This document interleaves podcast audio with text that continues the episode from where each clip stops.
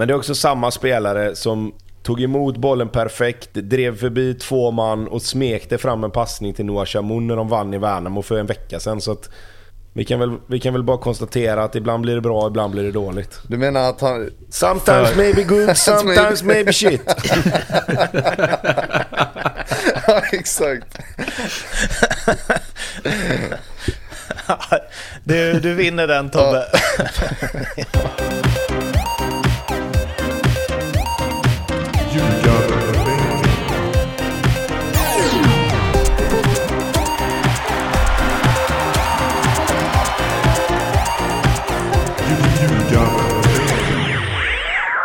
Vi börjar som vanligt med Tobias Hyséns favoritsegment. Eh, det här är eh, Ljugarbänken i samarbete med Betsson. Eh, och vi har en otroligt härlig, liksom, härliga förutsättningar för det här avsnittet. För det är så olika energinivå på medlemmarna. Så det är, jag vet inte om det har varit på den här nivån innan. Eller hur Lasse? Ja men jag, alltså, det känns ju alltid skönt att komma så här tisdagarna och sen titta på Tobias och höra Blomman och bara känna ångesten. Jag måste säga att jag njuter av det. hoppas, hoppas din jävla nacke dör. Skadeglädjen är total. Eh, ja, eh, lite nackont som ändå jämnar ut så att du bara är liksom sju nivåer över dem i eh, positiv energikänsla. Precis så. Vi har ju vi har tre punkter där i början, tre matcher som vi ska gå igenom där det kommer... Se vilken ordning vi tar det, om vi vill liksom ner, upp, ner eller... Ja. Eh, återstår att se. Men eh, Tobbe, du känns ändå som att du... Eh, du ser pigg ut. Ja, ja, jag sa ju det att jag kan inte låta resultat och sånt eh, påverka min sömn för då blir det inte så mycket sömn. Eh, så att jag har, eh, ja, jag har väl fått eh, förhålla mig till den verkligheten i år. Att man får ta, man får ta det bara. För vad det är. Eller vad det inte är. Men Eller eh, ja, vi kommer väl Eller till vad det. det inte är, absolut. Ja. Blomman, hur sover du? Eh, två plus, men eh, säker mark, Godkänt, så vad fan, det kunde varit värre. Ja, det, kunde det, det kommer vi också till. Eh, men vi börjar då eh, med eh, derbyt. Eh, det i eh, Göteborg, Häcken-Blåvitt. Där jag har skrivit 3-1 i körschemat. 4-1 blev det. Första punkten är en Tobbelys. Det vill säga en analys av Tobbe. Ja. Så Ja, men absolut. Kör. Eh, jag tycker Blåvitt gör en eh, helt okej första halvlek. Eh, tycker att de... Det, det, häcken eh, kommer inte riktigt åt på samma sätt som det blir sen. Jag tycker Häcken... Ja, går, jag ska inte säga att de går i fällan för det är fortfarande ett bra lag. Men jag tycker ändå Blåvitt får matchen lite dit de vill. Sen är det, sen är det första målet som givetvis gör att det blir jobbigt för Blåvitt. De hamnar i en, i en period där det blir jobbigt. Eh, men sen så får de sitt, sitt kvitteringsmål och sen därifrån så tycker jag att de får, de får död på Häckens momentum lite i första halvlek. Eh, Simon Gustafsson, eller förlåt, Samuel Gustafsson säger i halvlek att de inte alls nöjda. Eh, de var nöjda med första 30 men inte, inte sista delen och det är väl ungefär så, så jag ser på det också. Jag tycker Häcken är ju lite bättre på allt sett igenom hela matchen och i andra halvlek så blir det ju en enorm skillnad. Men, men första halvlek är ändå okej. Okay. Men sen är det ju det där då, då kommer Häcken in i paus och så kommer Blåvitt in i paus. Och jag lovar att det är två lag som ser på det ungefär tvärtom. Blåvitt är rätt nöjda, precis som vi på utsidan var. Liksom att fan det här är ändå okej. 1-1 mot Häcken borta i, i paus. Eh, kan vi få hålla det ett tag och se till att dra ner på tempot och lite grann döda deras liksom flow i matchen i, i, perioder så, så kommer det här förhoppningsvis kunna gå bra. Och sen så tar det två minuter och så är det någon liten glidtackling som hamnar fel och den styrs på någon och helt plötsligt så är Rygaard fri i straffområdet. Vilket är helt otroligt att han får vara till en början. Eh, men sen är det lite hoppar och studsar så visst, det, det är lite tillfälligheter men, men ingen tillfällighet att det är just han som står där. Och sen så tar det inte mer än, vad tar det, 10 minuter. Eh, och så är det ju ett otroligt fint fotbollsmål, men också otroligt dåligt försvarsspel. Eh, det är två man som spelar fram och tillbaka till varandra runt straffområdet. Och Blåvitt är sex spelare runt omkring där och ingen av dem går in i kropp. Ingen av dem tittar på vart bollen tar vägen, vart spelaren tar vägen. Utan man springer och tittar och ser oj, vad gör de här nu? Eh, så absolut ett otroligt fint mål. Det, det är galet spel de två emellan. Men det är lite grann som att du skulle spela dig ur en kvadrat. På två man liksom. Det, det ska ju inte få hända. Alltså det ska inte gå att göra så med sex man runt omkring sig. Och där är ju matchen slut. Sen skapar Blåvitt en hel del målchanser i den här matchen som jag kanske inte riktigt trodde. Jag tänkte att det kan absolut bli 3-0, 3-1, 4-1 alltså sådär. Men då trodde jag att det skulle vara 23 i avslut och så skulle Häcken vara helt överlägsna. Och de är överlägsna på så sätt att de är bättre på allt. Men, men Blåvitt skapar ändå rätt mycket målchanser i den här matchen, vilket jag kanske inte riktigt hade väntat mig. Eh, däremot så är man ju inte tillräckligt skarpa defensivt, vilket gör att Häcken vinner matchen fullt rättvist. Och det kunde blivit 9-5, 9-4 om man ska vara helt ärlig. Så att eh, det är väl den sammanfattningen. Sen får ni gärna, Visst hade ni gärna det? fylla på. Man, man ska ju aldrig säga att allt som skapas blir mål, för det blir det ju aldrig. Men eh, känslan var ju att det hade kunnat bli många fler mål. Åt båda håll. Det var mycket bra chanser. Alltså att det första som händer i stort sett är ju att, eh, att Blåvitt skapar två jättelägen. Eh, och där känner man väl kanske att, att Häcken skulle bli lite skakade. Men framförallt så behöver de ju mål på, på någon av de chanserna så att de får den där 1-0-ledningen. Kan ligga lite på rätt sida liksom och inte behöva, inte behöva kanske driva det själva. För det går nästan inte mot Häcken. Men ja, det var ju ruggigt mycket målchanser. Men, men det, där är också, det där är också intressant för det pratar man om också. Att man, alltså, för, det är klart, får man 1-0 där så, så blir det en lite annan match. Men samtidigt så är det ju, alltså 3-1 målet för Häcken, det är ju ett sånt mål som de gör även om Blåvitt har backat hem. Alltså där är ju Blåvitt hemma med Ja, massa spelare de- liksom. Och, och det hjälper ju inte i, i det här fallet. Så att jag vet Nej, inte om alltså, det hade är de spelat så någon roll. passiva som de är? Nej, kanske inte. Men ja, framförallt då när de är så pass passiva i försvarsspelet som du är inne på Tobbe, då, då kommer det bli mål förr eller senare. Det är lite kul det där du sa att det ser ut som en kvadrat. De är alltså två mot sex. Frågan är om det är liksom, står de och väntar på att någon annan ska göra någonting? Eller, jag fick nästan känslan av att oj, titta vad duktiga de är. De stod nästan och bara beundrade.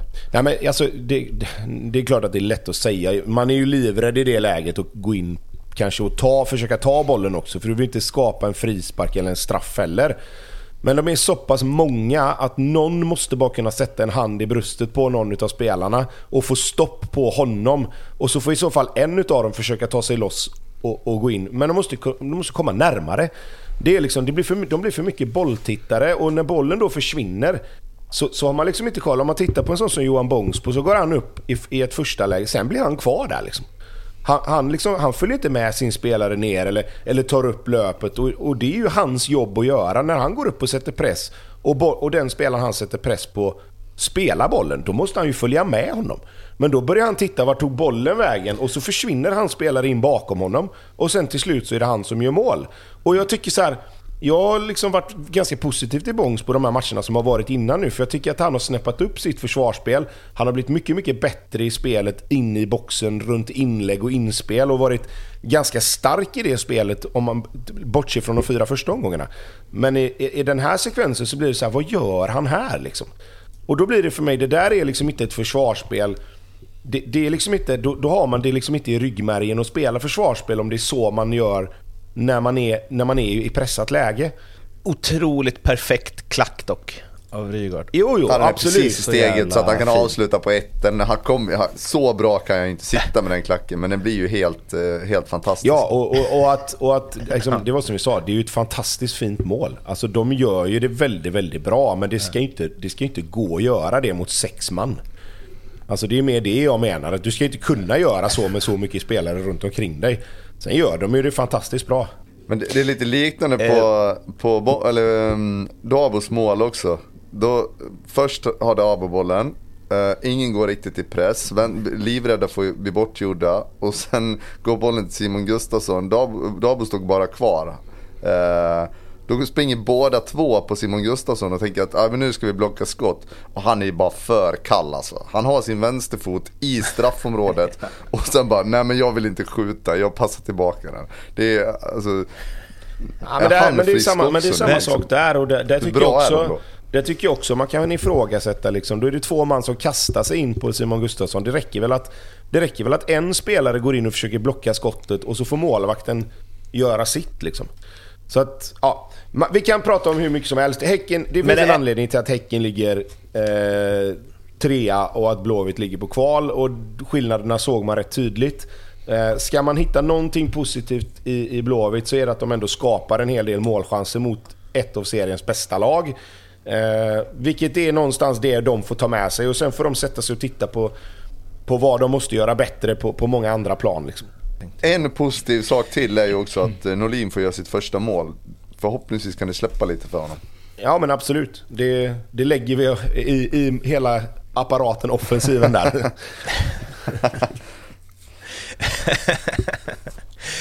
Eh, Men när man ser Häcken och de målen, även om eh, liksom, du toksågar mycket av Blåvitts försvarsspel här, så när man ser Häcken göra sådana mål som de gör den här matchen, för mig, det är, jag fattar att Djurgården har ett bättre försvarsspel och att Djurgården borta är något annat så. Men det är för mig helt otroligt hur Häcken kan gå mållösa ur allsvenska matcher när man ser sättet de anfaller på. För den, den liksom kreativiteten och som du säger, det, de har ju ganska många spelare där motståndarna är rädda för att gå på. För att de är så liksom... Det känns som att... Eh, jag vet inte, när jag, när jag ser så highlights så tänker jag bara ah, Rygaard, just det, han är så jävla bra liksom. En av allsvenskans bästa. Så bara, ah, Traoré, också så jävla bra. Ah, Olde, ah, men han är nog ändå deras bästa. Alltså, deras offensiv är ju otrolig. Jag kan inte förstå hur de inte får ut något av den ibland. När man Fast ser det, det, här. det har ju också med att göra att alltså, sätter du ditt försvarsspel så blir, det, så, så blir ju även Häcken lite frustrerade e- e- emellanåt. Alltså, när det inte flyter på och du får, får ner det här flowet och tar bort deras momentum och deras fart lite grann. Då, då har ju Häcken lite svårare. Det har vi ju sett mot, dels mot Kalmar men även mot Halmstad och, och Djurgården, de matcherna då. Nu är det lätt att ta de matcherna, men det är ju det är dit vi måste gå om vi ska titta på vad lagen gör bra mot Häcken. Och det är ju att de får ner farten. De får ner farten på deras spelare, de får ner farten i deras passningsspel. De låter Häcken spela utanför eh, lag, sina lagdelar hela tiden. Och, och där är de bra, men inte lika bra. De vill ju ha in bollen på Rygaard, de vill ha in bollen på Traoré. De vill kunna vinna boll och ställa om och sen skicka iväg sina speedkulor som kommer både från sidorna och bakifrån ytterbackarna. Och kan du få ner farten så är det mycket vunnet. Sen hur du gör det är ju en helt annan sak. Det är ju det, det, är ju det svåra i det hela. Liksom. Och det är klart att det är inte alla lag som löser det uppenbarligen eftersom Häcken fortfarande gör väldigt mycket mål och har väldigt många bra spelare. Men, men det är ju det som gör att Häcken får problem när de inte får komma med den farten som de vill. Jag tror också att de, det är trist att säga det, men det kändes som att de var lite lidande ändå av, eh, av den här cupfinalen mitt i alltihopa. Det kändes som att de inte riktigt fick med sig energin ifrån den, utan det, det tog lite energi istället, trots att man vann den. Eh, men sen det, det Häcken är överlägset bäst på, det är att få med folk in i, in i boxen och runt boxen. De får med så mycket folk i varenda anfall. Okej, de har sina omställningar, då är det några, några få som går. Men då är det attack, attack. När de väl har liksom skapa lite tryck på motståndaren. Det är inte så att de står med, med fyra gubbar i backlinjen, det är ett mittfält som står rakt på mitt. Utan de fyller på och det kommer folk från alla håll och kanter. Vilket gör att det är nästan omöjligt att försvara på försvara sig mot också. Dessutom då ska man lägga till att, att de har ju den här individuella kvaliteten i nästan allting de gör. Eh, och sen eh, tror jag också som Tobbe är inne på att alltså, okej om de får spela utanför, de är kanske inte riktigt lika bra där. Men nu är Simon, Simon Gustafsson tillbaka antar jag, om han inte har ont igen. Eh, Så det kommer ju också ge dem en till eh, dimension i att våga smälla in bollar centralt. Tobbe, du sa ju, jag kommer inte ihåg exakt vad du sa eh, nyss, men det var ju något om att eh, eh, ja, Häcken var överlägsna överallt, men eh, Blåvitt skapade ändå en hel del chanser. Men det gör ju Eh, alla mot Häcken. Marcus, eh, Eh, Marcus eh, Vulkan eh, skrev ju att ingen spelare i IFK Göteborg hade platsat i Häcken. Håller du med om det? Eh, på rak arm så är det väl svårt att säga emot, skulle jag säga. Eh, det, är väl, det är väl ingenting att, att, att hymla om. Alltså, på samma sätt som ingen i Degerfors eller ingen i Värnamo hade platsat i Häcken heller, egentligen. Om man tittar på de lagen som ligger i den sektionen av tabellen. Ehm, så just nu så har han väl lite fel, men det, det är väl snarare så att man behöver titta på liksom, vad, behöver, vad behöver Blåvitt göra liksom, framöver här nu. Ehm, vi var inne på det i, i, i vår andra podd där igår, att de har, liksom, de har ett snitt på 21 poäng på, på 30 matcher och då åker du käpprätt ur. Liksom. Ehm, så de behöver ju titta på de här matcherna som kommer här nu och bryta ner de här nästa nästa 10 matcherna, eller vad man ska säga, i, i små grupper och titta på. Liksom. Vi behöver ta x antal poäng de närmsta tre matcherna, nästa tre matcherna för att liksom lägga i så mycket poäng i, i ryggsäcken som möjligt. För att eh, det, är ju, det är ju otroligt prekärt just nu. Rådet, diskutera i små grupper. Eh, nej men uh, de, uh, räddningen är att det är, and, är det några andra lag som också har ett rätt dåligt snitt om man ska kika på vad, vad de behöver ta framöver för att uh, hålla sig kvar. Men ja, vi lite snabbt kanske Traoré, Ajax var och kolla. Vilket perfekt steg mot att bli liksom... Eller ja, om han, han är ju uppenbarligen helt sjukt bra. var väl, eller jag vet inte, när... Nu kanske jag missar något här, men vid den åldern och göra så mycket mål i Allsvenskan. Ja. Har vi några på rak arm? nej. Det är väl, Nej. Eh, Rosenberg möjligtvis, för hundra år sedan. Ja, det är så. Man Ja, får gå typ tillbaka. Kim Jag- jag Källström gjorde väl en hel del mål i, i, i Djurgården det året. Han, jag, han har gjort 13 på, alltså 13 på 16 ja. eh, i år. Om man Allsvenskan och kuppen. Nej, nej, det är klart det är bra. Det är klart det är bra. 20-åring. Absolut. Alltså, men eh, då är det... För jag tänker direkt så här, bara Ajax ändå, stor klubb och så. Men det kanske snarare är den perfekta nivån. Lite över en, jag vet inte, sämre... Alltså, det känns som att han är förbi en del mittenklubbar i Holland och så. Ja, definitivt. Det eh, känns som ett perfekt steg. Sen är det väl kanske inte den typiska Ajax-nian men de eh, brukar ju veta vad de gör. Så att är de där och kollar på honom så, så har de en anledning till det. Eh, Påverkar det på något sätt förresten, vi kan komma till det, men eh, Hugo Larsson, eh, den försäljningen till Frankfurt var det va? 130 plus. Påverkar en sån sak vad andra spelare i Allsvenskan går för i närtid? Ja, Även om det inte är från Malmö? ja men det gör det. Eh, sen tror jag att det påverkar ännu mer vad man har gjort internt innan. Eh, att man till exempel då satte nivån med, med Wålemark där. Nu kommer Ajax, då, då är det ju 100 millar plus skulle jag kunna tänka mig. För en sån typ av spelare.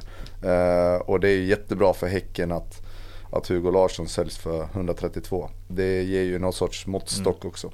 Men sen är det också, jag, jag håller med dig Lasse. Jag ställer en fråga då istället för att, att, att säga emot. No, kommer Ajax titta på, på Wålemark-värvningen utifrån prislapp och sen hänvisa till att han inte har gått så jävla bra? Att, Ja, att man kan, att man kan göra. kräva, att man kan liksom kräva att nej men vi kommer inte betala 100 miljoner för eran gubbe. För Feyenoord plockade en gubbe från er förra året och han har inte gjort någonting än så länge. Så vi kommer inte lägga 100 miljoner. För det, uppenbarligen så är inte era spe, spelare liksom så bra att de går rätt in och gör det bra direkt. Ja, nej men det är väl en bra poäng. Sen tror jag inte att... Eh, jag, tror, jag tror inte att Ajax tittar jättemycket på vad, vad Feyenoord gör i och för sig. Alltså just i, det, i värvningsdelen. Utan de har ju sin egna, Jo, nej, ja, ja, sin absolut. egna melodi. Och, Jag menar mer att, där- att man kan det mer hänvisa så- till en övergång från samma lag som inte blev Eller har än så länge blivit så lyckad som man kanske trodde. Det är klart man kan, men jag tror inte att de kommer så långt med det. Utan det här kom, där lever de ju lite sina egna liv. Jag tror att prislapparna är, det blir mer en indikation på var är Sverige någonstans och vad är toppklubbarna i Sverige. Eh, häcken, det där var ju lite så här mellanstegen då. Om man jämför 40 med 132 så är det ju inte i, i närheten. Men, men det tror jag var positivt att det blev en sån här försäljning innan.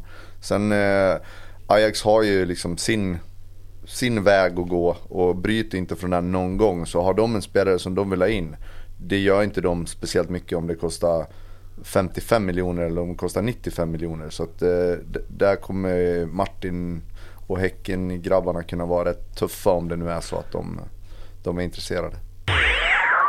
Dags att eh, hoppa vidare. Vi börjar med ner, ner och vänta lite med upp. Då. Hammarby-Värnamo. Eh, Hammarby har ju också en 2-2 mot Degerfors som vi hörde sist. Eh, vår gode Blomman twittrade igår, eh, inte av varje dag en tweet kommer med i körschemat, men jag tyckte det var bra. Vad gör vi då? Truppen är dålig, Marti vill spela en fotboll som kanske funkar, men laget är för dåligt för att genomföra det. Sportchefen lämnar sista augusti, vem tar ens nästa stora beslut? Och här är ju första punkten eh, i Köris då, Blomman lys istället. Så nu är det du som ställer frågan, men jag tänker att du kan få svara på den också. Vad gör ni då? Vi skippar Degerfors till att börja med va? Känns som jag förträngt den. ja, jag, tänkte, jag, tänkte, bara att vi skulle liksom vandra vägen neråt lite, med lite fler steg. Men absolut, hopp till Värnamo. Ja. Eh... Är du där? Ja, jag vet inte. Fan, ska man riva upp de här såren? Ja, ja. Ljugarbänken, alltså, Blomman, vi har suttit i en kvart och pratat om Blåvitt här nu, så kör nu bara. Det, det som jag tycker är så konstigt i den här matchen, och som inte liksom personifierar Bayern, är att vi, vi börjar ju bra, vår bästa, vår bästa tid i matchen är första kvarten typ. Ser rätt bra ut. Värnamo kommer in och, och 0-0 i halvtid det är, är väl hyfsat rättvist. Eh, det är väl någon form av 50-50 även om Värnamo är lite farligare. Och sen så blir vi upprullade liksom. Inga byten görs, vi blir upprullade, Engvall 1-0, jättesnyggt. Eh, och då liksom in med, på tal om att truppen är för dålig, liksom, så är det Erabi från eget led som verkligen inte är den sämsta gänget. Och sen Sadiku in liksom och nu ska vi jaga 1-1. Toppade med ännu en spetsig, spetsigt inhopp i Joel Nilsson istället för Strand. Känns ju som att det skulle kunna kvitta 0-2 Värnamo och sen är det över. Eh, och, och, och sen liksom, det, det borde in, det är Aljumin. Vi startar ändå liksom en hyfsat in, alltså, nu är det här också, finns grader i helvetet, men en hyfsat intressant elva. Eh, med, med Mackan Karlsson igen, som, som återigen kanske är, kanske är den bästa faktiskt i, i elvan. Eh, precis som mot Degerfors tyckte också var bra. Strand springer runt och tar gula, eh, försöker liksom vara relevant genom, genom att sparka ner folk, för han hänger inte med. Eh, och så är det egentligen nästan alla matcher, enda matcherna han är hyfsad i är väl eh, när det är derby och, och det smäller lite, det passar han, men liksom när de möter Värnamo hemma så, så kunde man lika väl spelat utan vänsterback stundtals. Eh, så, så, illa är det liksom. Täcker vet jag inte vad, han gör Demirol katastrof. Besara ser man knappt, slår bort lite bollar. Madjed hyfsat intressant. Naric vet jag inte heller. Mikkelsen är väl liksom, ja. Det Men du, Blomman. Och Dovin ska, Dovin ska dessutom ta, oh, Dovin ska ta andra målet. Dovin ska ta andra målet, liksom det, det hjälper ju inte. Men du, jag läste, jag, nu är det här också väldigt, väldigt osäker alltså källa på så sätt. Men jag läste någonstans att Micke, Ja, men jag, jag, nej, men jag, jag, när jag såg det så tänkte jag bara det här kan ju inte stämma. Men så när jag började tänka efter så vet det fan ändå. Kan det stämma att Mikkelsen som var liksom det här jätteomtalade nyförvärvet då inför säsongen har noll avslut på mål på tio matcher? Han har ju ändå gjort ett mål, men då menar man då att det, det, den styrs på någon den då liksom, så det blir va? inte som ett skott på mål. Kan han ha noll avslut på mål? På tio matcher liksom. Nej, det kan han inte ha. Eh. För jag vet, Att han sköt i famnen på någon för någon... Ja, då, då, eh, då steker ja, vi jag, den. jag tror inte det Nej, stämmer då, då heller. steker vi den. För det kändes... Ett avslut är i och för sig Det också ganska kändes dåligt. väldigt, får man väldigt säga. osannolikt. Men då var det inte så, så skitsamma. Men du, vad, alltså... Han, han har ju inte fem i alla fall. Nej, det kanske han inte har. Men om vi säger så här då. Nu har du gått igenom varenda spelare i hela truppen och sågat dem. Eh, men när du säger att Marti spelar en fotboll som vi inte riktigt klarar av. Vad, vad, är det, vad är det de inte klarar av liksom? Alltså, för jag menar, passa bollen fram och tillbaka till varandra, det förstår jag. Det är många lag som har små, svårt med ibland. Men, men just det här att vad, vad, är, vad hade du velat se för fotboll egentligen då med de spelarna som finns? Alltså finns det något enkelt sätt att, att skapa lite energi och på något sätt Ja men alltså spela på ett sätt som, som spelarna klarar av då. Alltså om du förstår, alltså det blir lite luddigt men förstår du frågan? Jo, jag, ja, jag Det är fattar. samma fråga som du ställde själv Blomman. Vad gör ni då? Det är den du ska svara på nu. Men liksom igår så tycker jag väl typ första gången som de ändå liksom frångår lite från, från hur de spelat tidigare. Och, och då är det liksom, vi slår långt på Nalic, vilket också är så här, vad, vad ska det hjälpa? Men det, där börjar man liksom slå lite långt. Eh, och om man nu ska göra det så hade jag föredragit Erabi. Men det är ju, det är ju vad det är.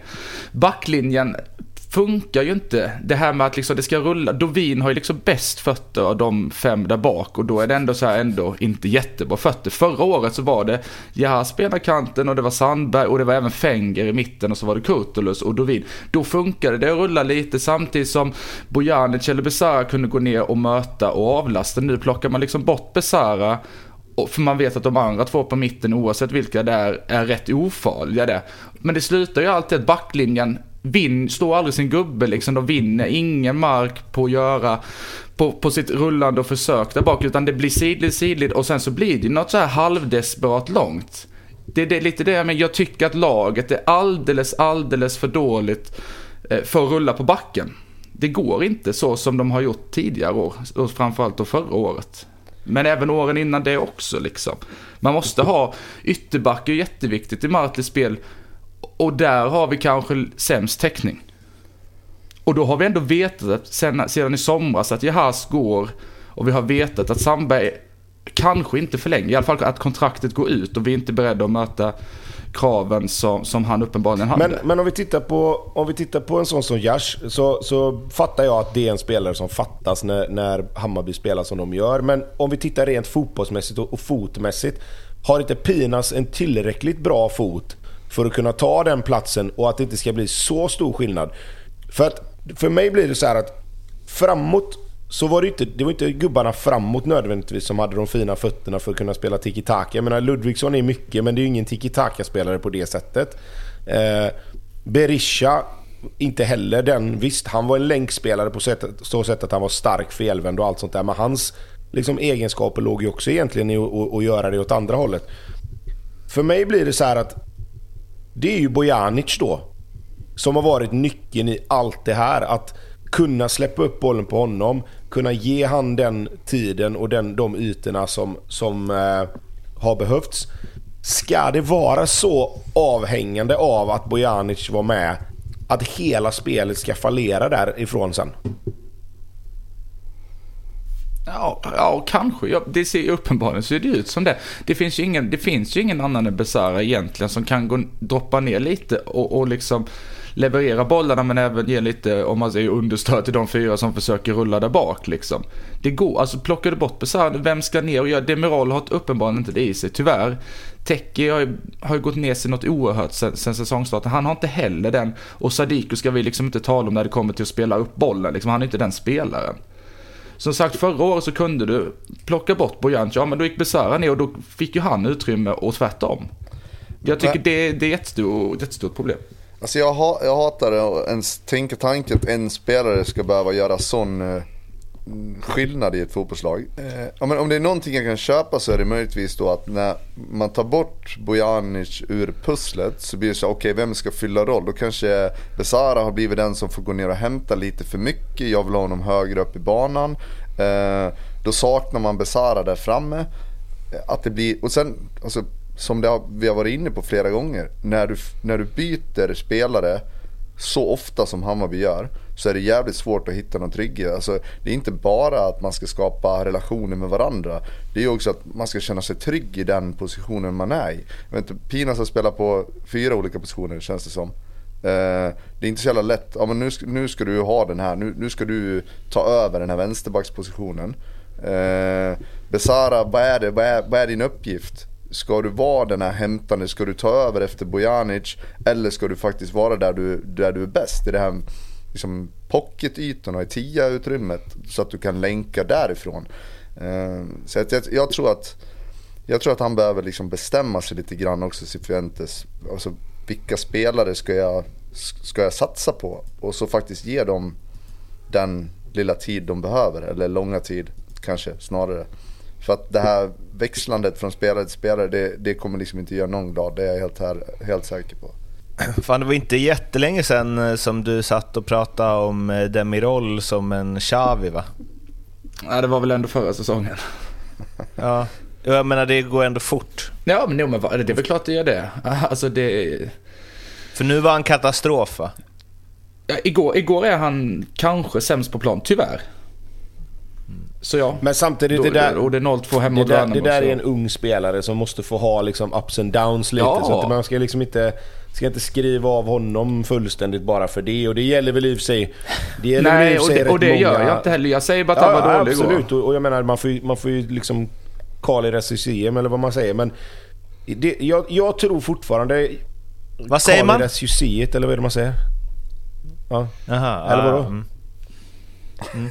Det var rätt Nej, det, jag hörde ja. inte vad du sa. Jag trodde att det var något latin. Jaha, nej, jag hörde inte vad du sa. rör vi oss inte med här i Anneberg, det kan jag lova dig.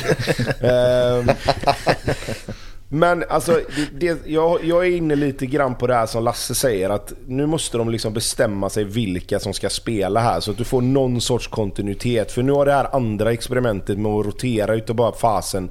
Det funkar ju uppenbarligen inte.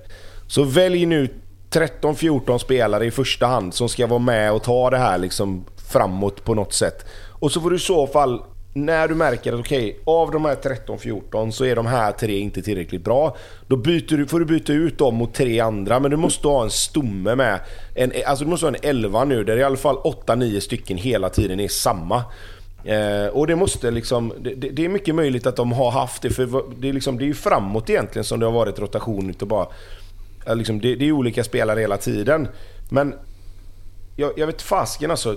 Vad, vad, vad, säger du om, om coach då? Om vi bara går in där snabbt. Alltså... Men jag måste bara tillägga det. Det handlar inte bara om alltså, att man ska välja 11 spelare som spelar. Då måste jag ha en, alltså, rollfördelningen måste vara tydligare. I alla fall som jag ser det. Nu kan inte jag Hammarby liksom, utan och innan. Men jag tycker att det är för ofta som spelare får olika roller i, det kan ändras mitt i matcherna men framförallt från match till match. Alltså ska Teki vara den här hämtande sexan eller ska han vara en flygande åtta eller ska han spela, alltså bestäm er. Ger man sådana instruktioner idag? Ja, Tecke, idag spelar du flygande åtta. flygande målvakt, det är det, är det vad Hammarby behöver. Det skulle inte förvåna mig om det, det, skulle inte förvåna mig om det finns flygande åtta numera också. Det finns alla möjliga olika grejer. Nej men eh, Blomman, hur mycket, hur mycket tålamod tror du Hammarby har med, med Chifuentes? Alltså hur, hur, hur många omgångar tar det om det fortsätter så här innan han liksom, innan det börjar funderas på riktigt? Hammarby som klubb? Ja, alltså ja, alltså överlag. Jag fattar, ju att, jag fattar ju att fans skriker på det i olika falanger redan nu. Det är liksom inte... Sparven står väl där utanför och gapar och skriker som fan nu men... Jag tänker mer, jag tänker mer liksom om vi ska vara helt seriösa liksom. Vad, vad tror du? Alltså... Det är klart att de tittar på alternativ. Ja, alltså vi har ju, vi har ju Halmstad borta nästa. Och, och, och, det vet vi att det är inte bara dit och, och hämta poäng. Liksom. Det gör vi, gör vi inte ens mot sämre lag hemma längre. Eh, och sen är det ju BP hemma, sen är det ju tre, fyra veckors uppehåll. Jag vet inte, det är ju svårt också nu, liksom, som sagt, vi har ju liksom en avgående sportchef, eh, sportchef i, i, Jansson liksom. Och han går sista augusti. Grejen är att det jag tycker liksom inte det är liksom tvådelat här. Det är inte någon som, som har gjort allt fel. Men truppen är ju som sagt, den är ju för då, jag vet inte riktigt vad man ska göra. Ska, ska Marti frångå sin idé, ja, då kanske man ska byta tränare istället. Då är det bättre.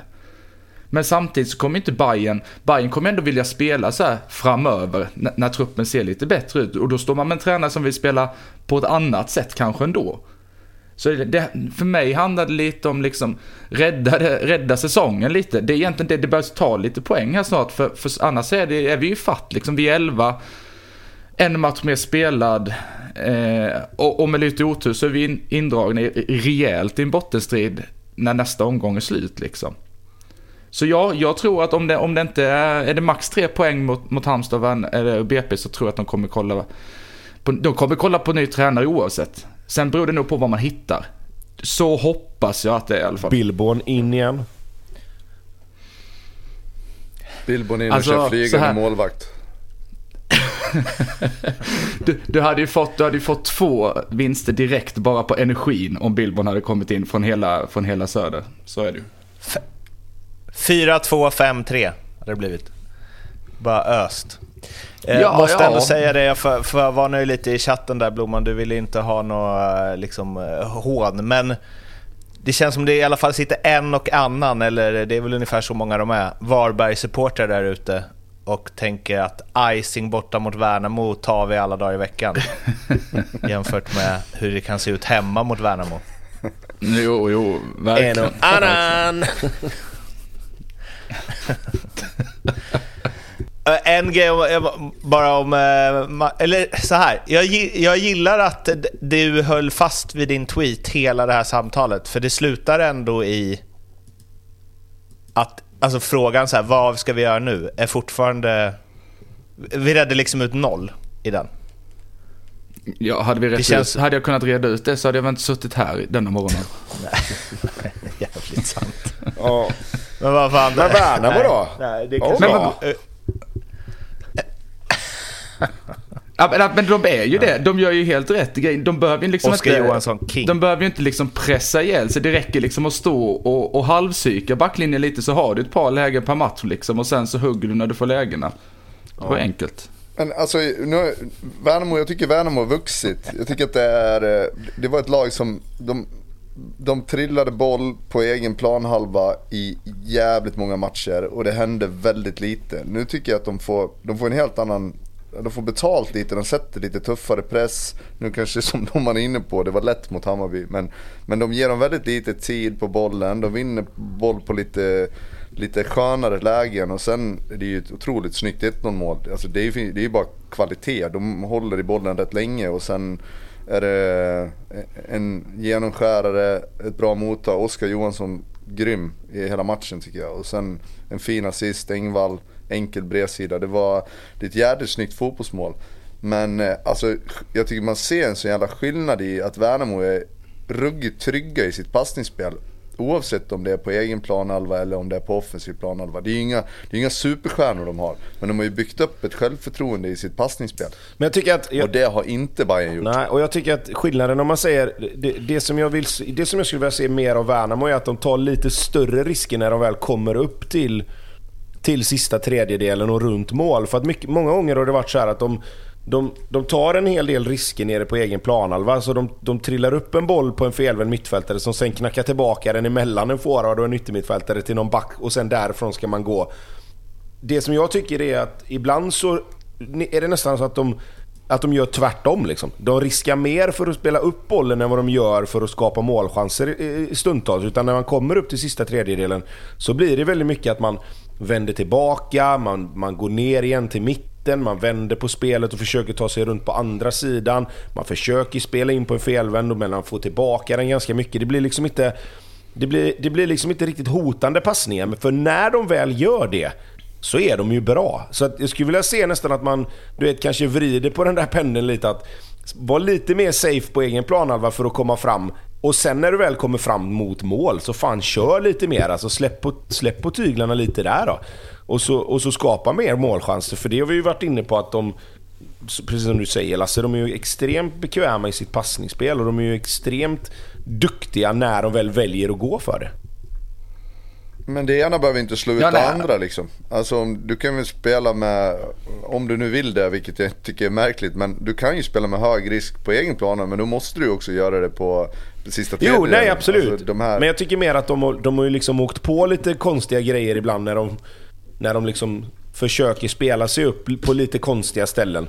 Och sen när man tänker att nu har de chansen att verkligen gå här, nu har de spelat sig loss och så kommer de ner med, med två spelare på ena sidan och så väljer man istället för att då gå där så väljer man att vända hem och så spelar man tillbaks den och så, och så går man runt och håller i bollen. Och jag fattar att man måste hålla i bollen ibland för att skapa ytor och liksom få, få motståndaren att flytta på sig. Du kan inte gå för det i varje anfall. Men jag tycker att ibland så blir den balanseringen lite fel. Att när de väl kan slå till så väljer man att ändå hålla i den. Jag hade velat se Värnamo trycka lite mer liksom. Sam, alltså, ja, jo. Samtidigt, alltså, om ni jämför med, med, med lagen som vi har mött hemma, som, som jag då anser är lite sämre än vad Bayern är i form av både Varberg och, och Mjällby, även om det kanske är diskutabelt. Mjällby och Varberg åkte ju upp och bara liksom ställde ju och parkerade bussen någonstans och hoppades på det bästa. Värnamo åker ändå upp liksom med, med lite ambition att spela och, och gör ju precis så som man ska göra mot, mot ett styrkat Bayern. Det är liksom ingen skugga alls över deras insats. Jag tycker den var väldigt bra från deras sida. Och de är taktiskt 100-0 liksom Jo till men Värnamo. det, vi, alltså, vi, vi pratar väl inte om att Värnamo inte, inte gjorde det bra? Eller vad...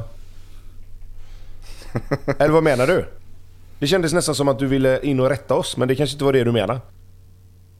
Nej, nej, det var, nej det, var, det var mer tillägg Ja, okej, ja, på, ja. på min tidigare rant. Ingen, ingen Nej, tillrättavisning. Nej, för jag tänkte mer att... För, för jag håller med dig att det är ju det som... Men Värnamo skulle inte kunna göra så heller.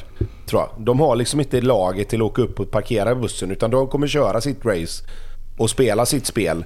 Eh, och, och, så, och så, går det, så går det väldigt bra när de väl gör det och trycker lite. Eh, så jag skulle vilja se det som jag sa. Jag skulle vilja se att de trycker lite mer ibland. Sen ska man också tillägga att de har ju lite, alltså den perioden när Hammarby faktiskt är bra i andra halvlek och man känner att det börjar bli lite tryck, det blir lite hörnor och inlägg, eh, någon fa, halvfarlig nick och sådär. Då kommer ju 2-0 målet ruggigt lägligt för, för Värnamo, det måste man ju också tillägga. Nu har det blivit dags för eh, speltips i samarbete med eh, Räckat och Klart. Vamos. Vamos! Vad är spel in sist? Igen. Satte du din? Ja, det gjorde jag. Jag hade eh, Djurgården slå AIK och så hade jag över 2,5 mål i Elfsborg-Malmö där jag och Lasse tampades han hade ju Ja, den var ju inne ganska snabbt ju. Ja, så det var fin åkning från minut 50 för min del där. Ja, det var Ja, men kul. Ska jag börja eller? Jag sa ju att det jämnar ut sig och eh, nu tror jag att Kalmar slår AIK. Eh, lite hjärta, lite hjärna, men jag tycker att de står rätt så högt faktiskt mot AIK. Bra chans för Kalmar och sen så tror jag faktiskt att, eh, ja, lite hjärna, lite hjärta har också, men Elfsborg slår Så du har Djurgården. alltså spelat mot AIK och Djurgården? Ja, och då, var jag, då, var jag, då var jag också nära att spela Halmstad mot Bayern. Men, men där någonstans så är det ju det i alla går mina, Ja, mot okej. mina principer. Ja. ja, fantastiskt. Men det är väl det, när Eh. Bayern är så dåliga så att han inte kan spela på Bayern så måste han spela mot de andra 08-lagen. Vad Nej, ger men, det i men odds? den ger 7,25. Den ger 7,25. Men antingen så spelar jag på 7,25? Bayern eller så avstår jag. Ja, jättebra. Ja? Kalmar är borta Ja, mot AIK såklart. Mm. Ja, det, det behöver i och för sig inte vara någon nackdel. Va? Jag, ska, jag ska säga så att AIK är hyfsat klara favoriter också i matchen. Kan ni göra vad ni vill med det? Tobbe, Lasse, vem vill Jag kör. Jag ta tror det vidare? att, eh, jag tror att IFK Göteborg vinner en fotbollsmatch. Eh, mot ett Oj. svagt Mjällby. Eh, och eh, två, under två och ett halvt mål i Halmstad-Hammarby. Andreas Johansson städar undan allt. Och vinner med 1-0. Risken är väl att? Halmstad gör tre själv. Ett kanske. Vad ger det? Det ger fyra gånger pengarna. Uff, ja, jag har ju tagit en lite, ja, jag ska inte säga extra safe för den kommer ju säkerligen inte gå in då. Men oddsmässigt, oddsmässigt så har jag en väldigt safe här. Eh, Jag tror att Häcken kör över Varberg på bortaplan. Jag tror inte att Varberg tar sin första seger. Eh, inte heller poäng. Och sen har jag att Norrköping eh, vinner mot BP. Kan vara så det svänger fort där nu, men det kan vara så att BP har dansat färdigt.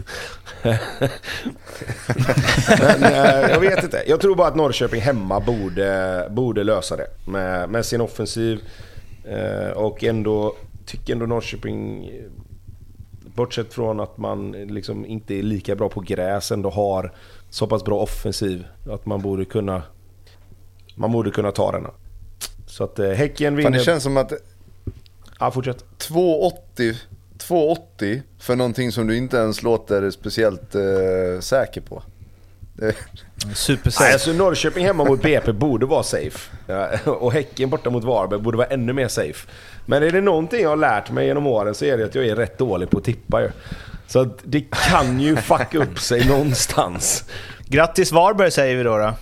Ja, jag ser väl hellre, Ah, jag, njut- ja, jag ser njut hellre att den matchen efter. upp det än att Norrköping gör det. Det har varit, det har varit lite roligt för, för Varberg att få sin första seger, men det, jag tror inte det. Eh, De här spelen finns i alla fall hos eh, Betsson. De finns under godbitar, specialspel, ljuga, bänken. Kom ihåg, spela ansvarsfullt. Du måste vara minst 18 år för att spela och behöver du hjälp eller stöd så finns stödlinjen.se. Nu kommer eh, det vara hög energi på en front i alla fall i den här eh, podden. Elfsborg drämmer dit Malmö FF med 3-0. Lasse Lys. ja, eh, först och främst var det ju fantastiskt att vara på Borås Arena. Det var ju utsålt, sen att inte det var fullt var en annan sak.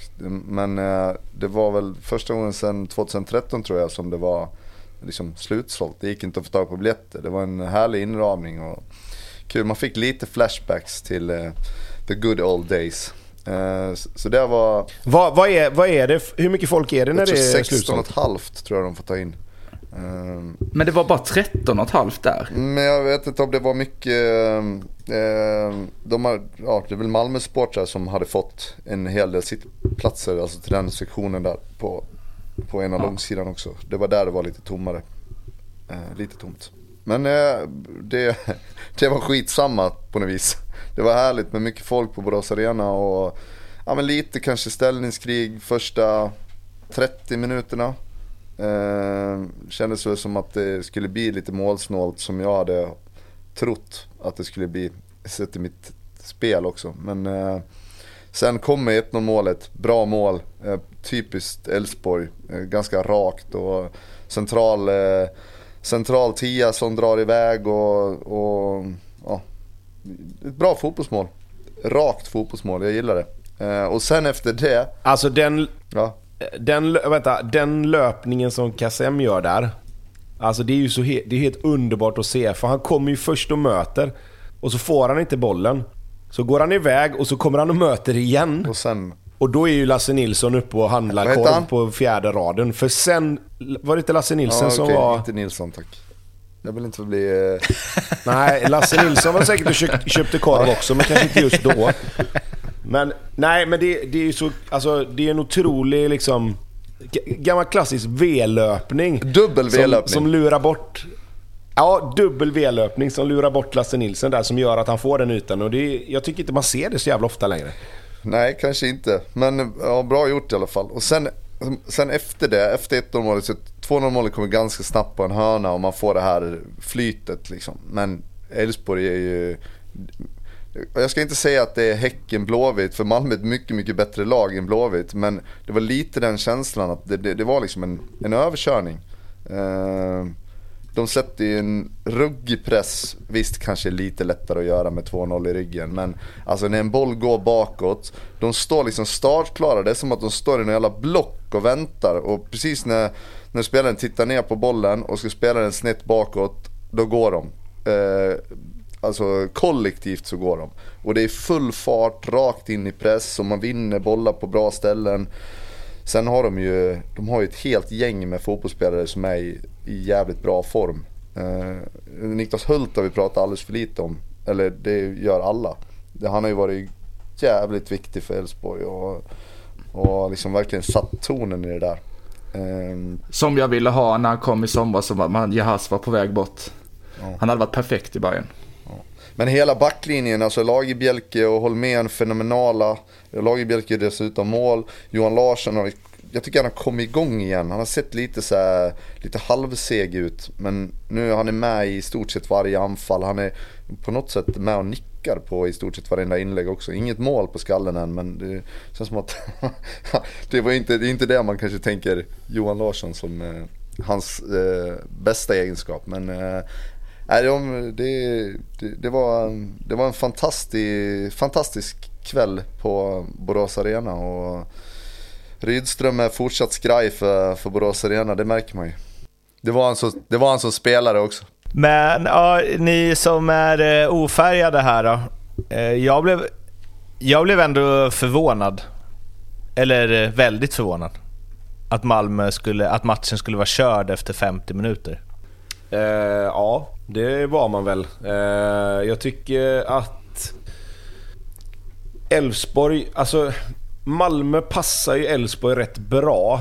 Eh, om man tittar på förhand så... Man ska, jag ska inte säga att jag tänkte att Elfsborg skulle vinna med 3-0. Det ska jag absolut inte säga. Men jag tänkte att på det sättet som Elfsborg ändå spelar och med sina otroligt snabba spelare och med sina omställningar och så som de vill spela med fart så tänkte man väl ändå att Malmö skulle kunna passa Elfsborg bra om Elfsborg fick bett i sin press. Vilket de fick. Eh, sen har du ju liksom, det är klart att hade Malmö gjort saker och ting lite bättre så hade det där kunnat gå helt åt andra hållet. Men eh, alltså Elfsborg är ju på ett ställe nu där de är de tror ju så jäkla stenhårt på precis allting de gör. De har åtta raka segrar. De bara flyter fram. Varenda jävla spelare är på väg att göra sin bästa säsong hittills. Eh, och, då, och då blir det ju sådär bra liksom. Få, alltså de har ju fått med sig precis allihop. Det spelar ingen roll, det kommer in unga killar och gör det fantastiskt bra. Och vi har pratat om det i andra lag, att unga spelare inte riktigt har tagit chansen. Och liksom så här. Och det, där har du ju skillnaden att göra det i ett lag som fungerar kontra att göra det i lag som inte fungerar. Liksom, då kommer det in en sån som Kassem som inte var ordinarie från början men som har kommit in och gjort det bra och, och, och nu, är det liksom, nu spelar han som att han aldrig har gjort något annat. Och så har du helt plötsligt fått in en spelare till i en, i en trupp då, eller liksom kanske hade innan säsongen räknat med x antal spelare och så nu har du två, tre till som du kan räkna med. Och det, det gör ju att du också kan, du kan också skifta och du kan byta lite och det spelar inte så stor roll om det är någon som är avstängd eller skadad utan det kommer in en ny spelare och bara fyller, den, fyller upp den positionen och han vet exakt vad han ska göra. Och det är såklart för alla andra också att han kommer göra exakt samma som den som var där innan. Så att Äh, otroligt imponerad av hur, hur Thelin har fått ihop eh, Elfsborg i år, hur de spelar, hur de, hur de väljer att liksom ändå låta Malmö ha bollen rätt mycket i, bekväma ytor för Elfsborg liksom, och sen bara nyper de den när de får chansen och, och så går de bara. Så att, Nej, otroligt imponerad av Elfsborg. Om vi men också in den här Thelin. Vad sa du man? Ja, men Thelin-grejen där också liksom. Avgångskrav för, vad kan det varit, 11 månader sedan typ. Från, från, från diverse håll och det var väl till och med banderoll och, och hela kalaset liksom. Och, och vinner nästan allt på hösten och, och ta med sig det in i den här, eh, i den här, eh, i den här serien också. Liksom. Det är också lite andra, andra spektrat av det här hur man ska agera när man är i lägen som Bayern är nu, som Blåvitt har varit i, som AIK har varit i. Det om någonting jo, är ju ruggigt imponerande. Sen är det ju mindre klubb kanske och mindre tryck och hela den biten liksom. Ja, men så här, har du en tydlig idé och jobbar efter den och en eh, liksom, ledning där där man har full stöttning uppifrån. Alltså det måste ju... Jag vet inte. Det är väldigt få klubbar som bara byter tränare åt höger och vänster och eh, är framgångsrika år efter år. Då måste man typ ha en helt överlägsen trupp som MFF hade när de sparkade tränare oavsett om de vann guld eller inte. Men, jo, men sen, vadå? Jo, men så här är väl alla men, exempel på lag som går bra? Eller? Jo, men, men sen är det också så att det, visst, det är lätt att säga nu när det har gått som det har gått att ja, men han har en idé och den funkar. Och liksom, men den har ju både funkat och inte funkat. Alltså, det som är imponerande är ju att han gick ju från att och när han kom till Elfsborg, nu får du rätta mig om jag felar så här, om jag får det fel i kronologisk ordning, men det börjar ju väldigt, väldigt dåligt. Alltså mm. han börjar ju dåligt, fick inte det att stämma alls. Det blev lite så här med en gång att ah, Thelin, han löser inte Elfsborg och det är lätt att vara tränare i Södra, jadda jadda. Och så fick han vänt på det. Nej men så fick han vänt på det. Och så fick han dessutom med sig, i den vändningen fick han ju med sig Jesper Karlsson upp. Från, från under fiskpinnarna liksom. Fick han ju upp honom, gjorde honom och fick med honom. Och så gick det jättebra. Och då tänker man så här, ah, men fan starkt av Elfsborg ändå hålla fast vid Thelin. Nu visade det sig att det var ett bra val. Och liksom, ja, men starkt av Thelin också att kunna komma tillbaka i samma klubb. Och sen så kom den här kullen där det liksom, när de blev tvåa. Och så började det gå neråt igen. Och så blev det sämre och sämre och sämre. Och där, där hade man ju kunnat så här, okej okay, men nu har han, nu har hans idéer liksom nått. Det går inte att ta det längre i Elfsborg. Och sen helt plötsligt så bara, nej det gick visst. Och, och liksom, så, så kommer han upp för den här liksom uppförsbacken och så nu så igen så är de uppe på toppen. Och det är väl det som är det mest imponerande. Att man kan göra det en gång.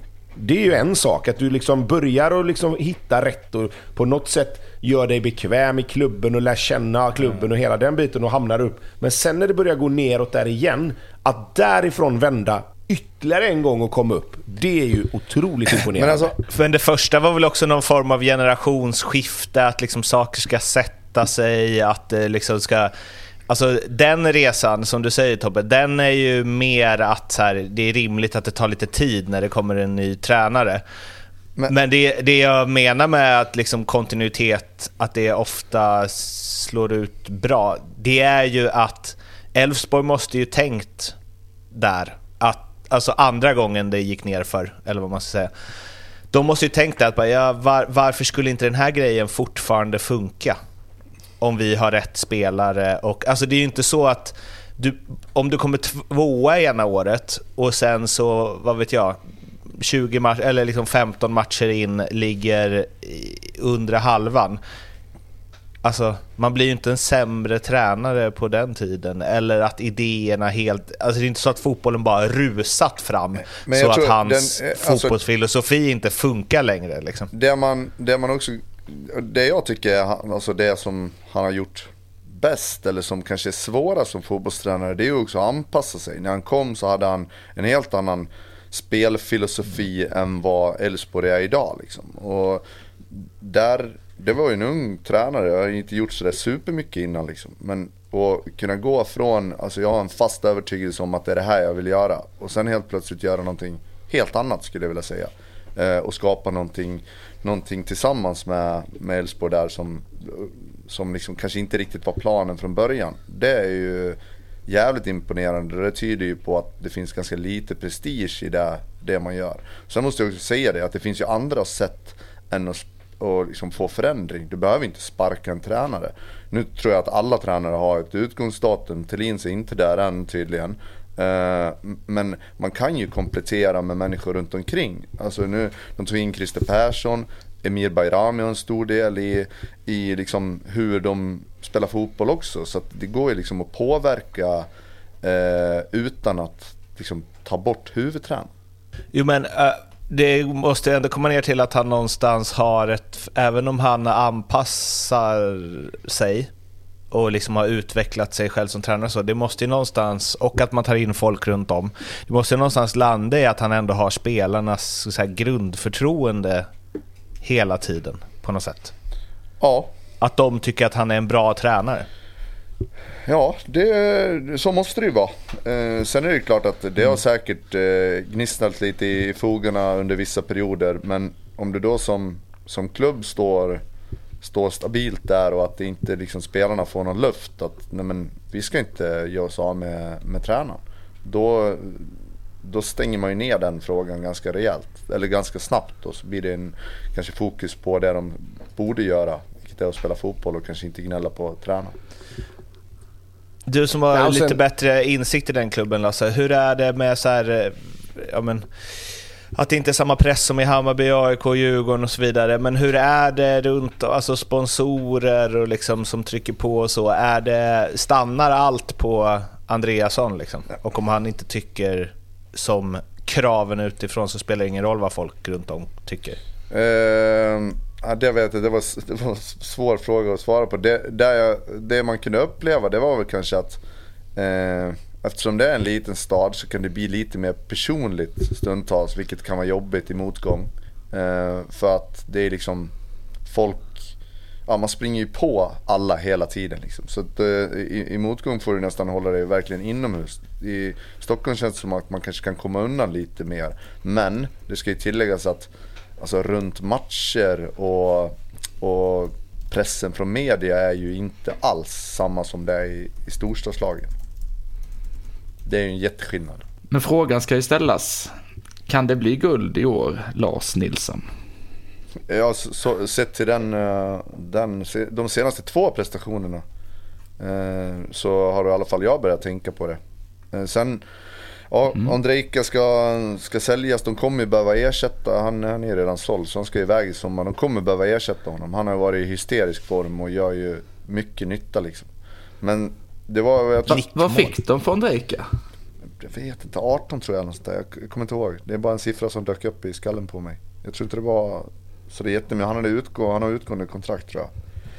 Eh, men hur som helst så, så det var ju eh, Johan Larsson som var inne på det i, i någon intervju här för några veckor sedan. Att de är liksom en väloljad maskin och då blir det ju också mycket lättare att värva in spelare. Ja men vi, vi tar in den här rollen för det är det vi behöver i den här. Då jackar han bara i det där kugghjulet och så kör de vidare. Sen är det klart att det behöver vara en bra spelare. Det får inte vara vem som helst. Men det blir betydligt enklare att värva spelare i, i den situationen Elfsborg är i. När de är så välfungerande. Och, och, och återigen, som vi var inne på med Hammarby och flera andra lag. De vet, alla vet sin, sin roll. Alla vet vad det är de ska göra.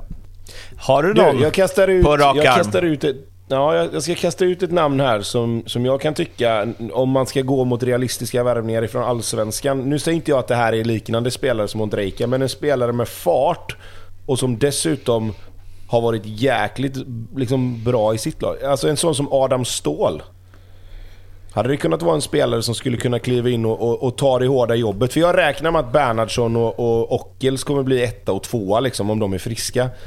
Att du kan få in en sån spelare. En annan spelare är Julius Lindberg som är i Gais.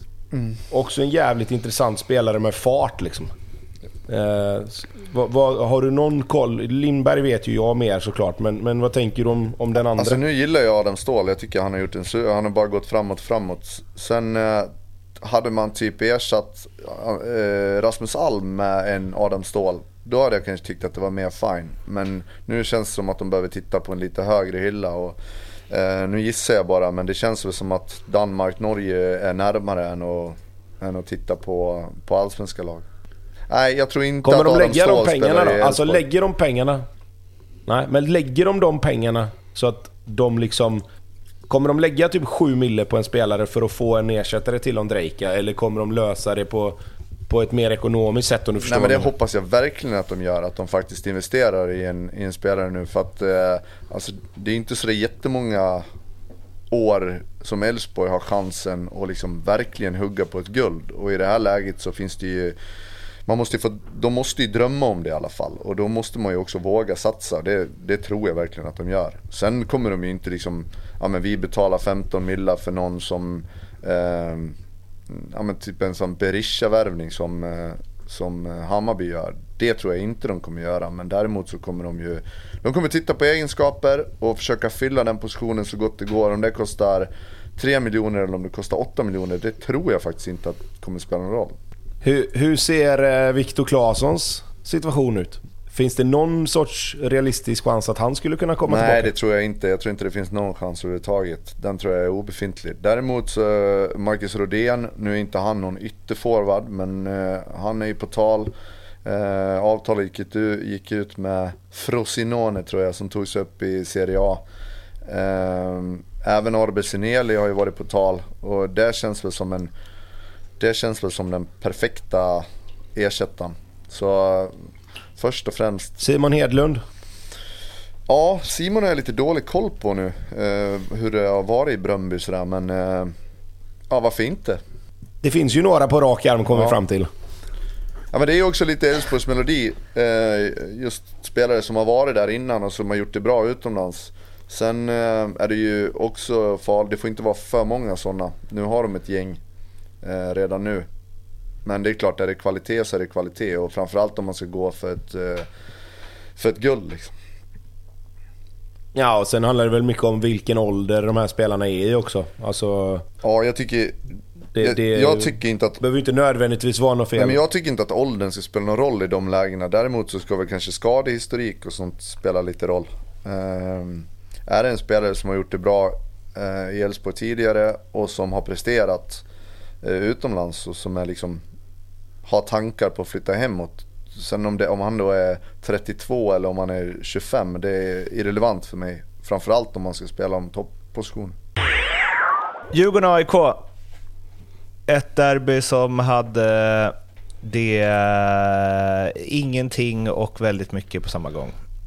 1-0 vann Djurgården med och eh, allt efteråt har förstås handlat om eh, scenerna som utspelade sig i slutet av matchen. Eh, när några aik eh, försökte storma planen. Ehm, jag vet inte om jag ens orkar liksom eh, prata, det, pratas mycket om det. Jag, vet inte om ni har något att säga annat än att det är skit och förkastligt och eh, att det är tråkigt att sånt händer. Typ. Men det, det svåra är också att fan, man kommer knappt ihåg matchen. Det blir ju, jag satt och kollade highlights igen för att liksom, mm, försöka bilda mig upp. Vad var det som hände egentligen?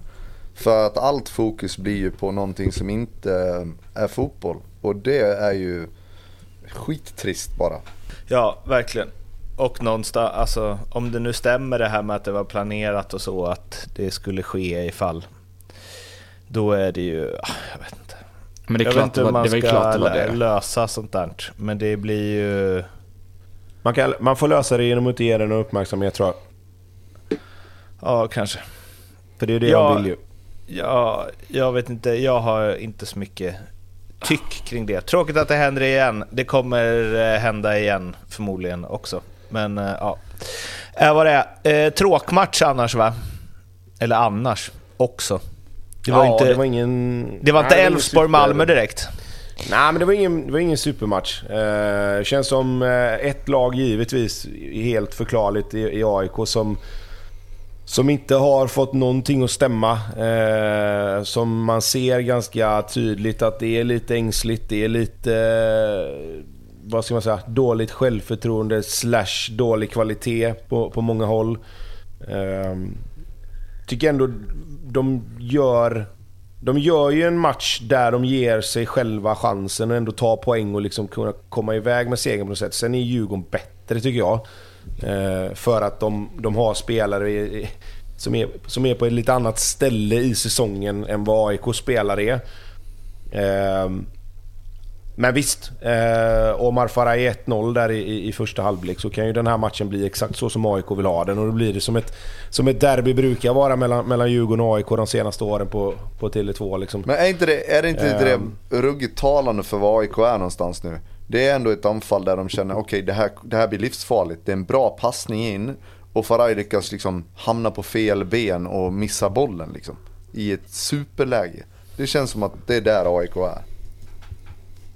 Ja, ja absolut. Och det är det jag menar. Att jag tycker ändå de ger sig själva chansen där liksom. Och, och även i resten av matchen. Jag tycker inte att...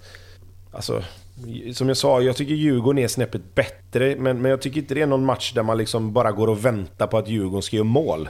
Utan det är liksom så här, det kan, det kan hända lite var som helst. AIK har inte riktigt kvaliteten och såra Djurgården så mycket som, som behövs för att de ska få...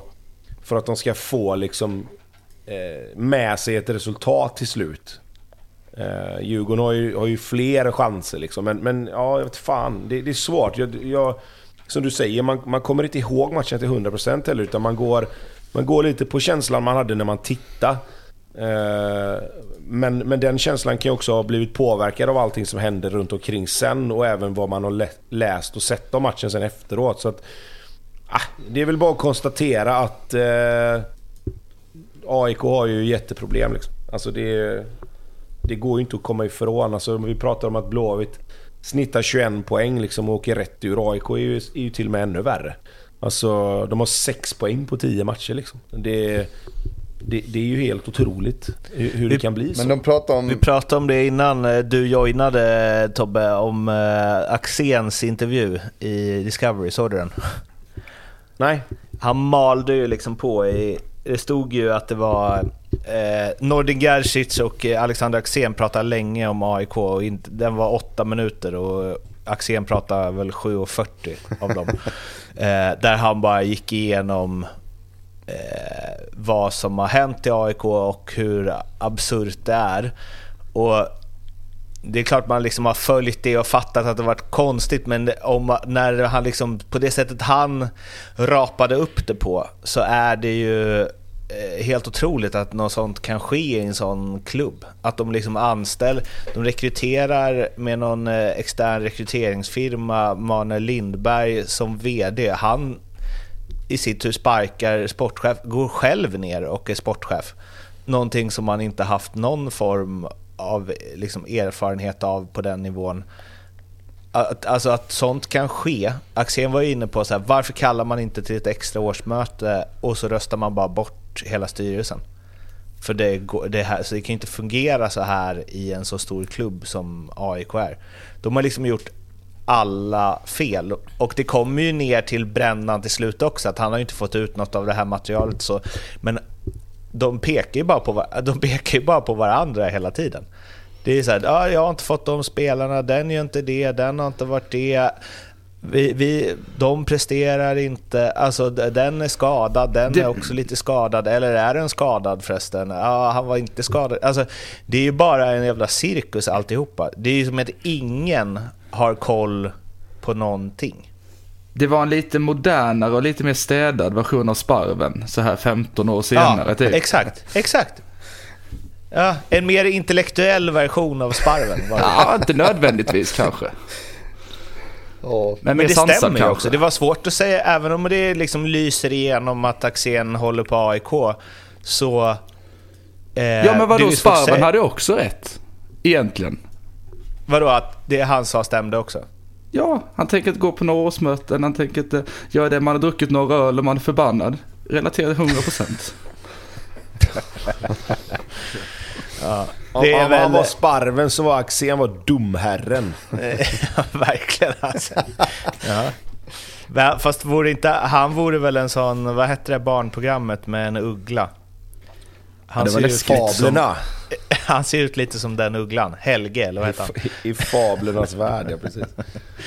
uh, men, men... Uh, och de måste ta typ åtta segrar på 20 matcher för att hänga kvar om man ska gå på någon form av snitt. Det kommer ju... Eller hur ska det hända? Men om, om alltså, nu har vi varit inne på, nu har vi varit inne på liksom det här som Axén sa med styrelsen och och, och, ledande positioner och, ovanför att det har varit kaos liksom. Att det till slut, om man säger, rinner ner på laget då. Men, det gör ju det.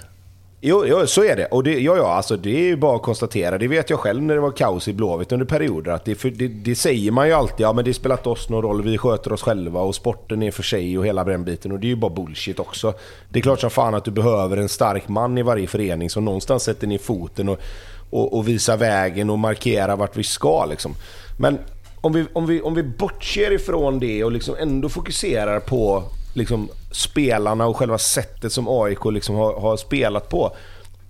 Är de, alltså är spelarna bara så här dåliga? Eller är det också lite grann att fan Brännan har ju inte... Han har, han har liksom inte, det är inte så att han har överpresterat direkt heller. Alltså, det är inte så att AIKs spelare är katastrof och att det inte finns någonting att göra. Vi pratar ändå om spelare som har varit landslagsspelare. Vi pratar om spelare som ändå liksom på försäsongen vi kände så här som Modesto till exempel. Och vi pratat om Otieno i flera år och vi har haft liksom...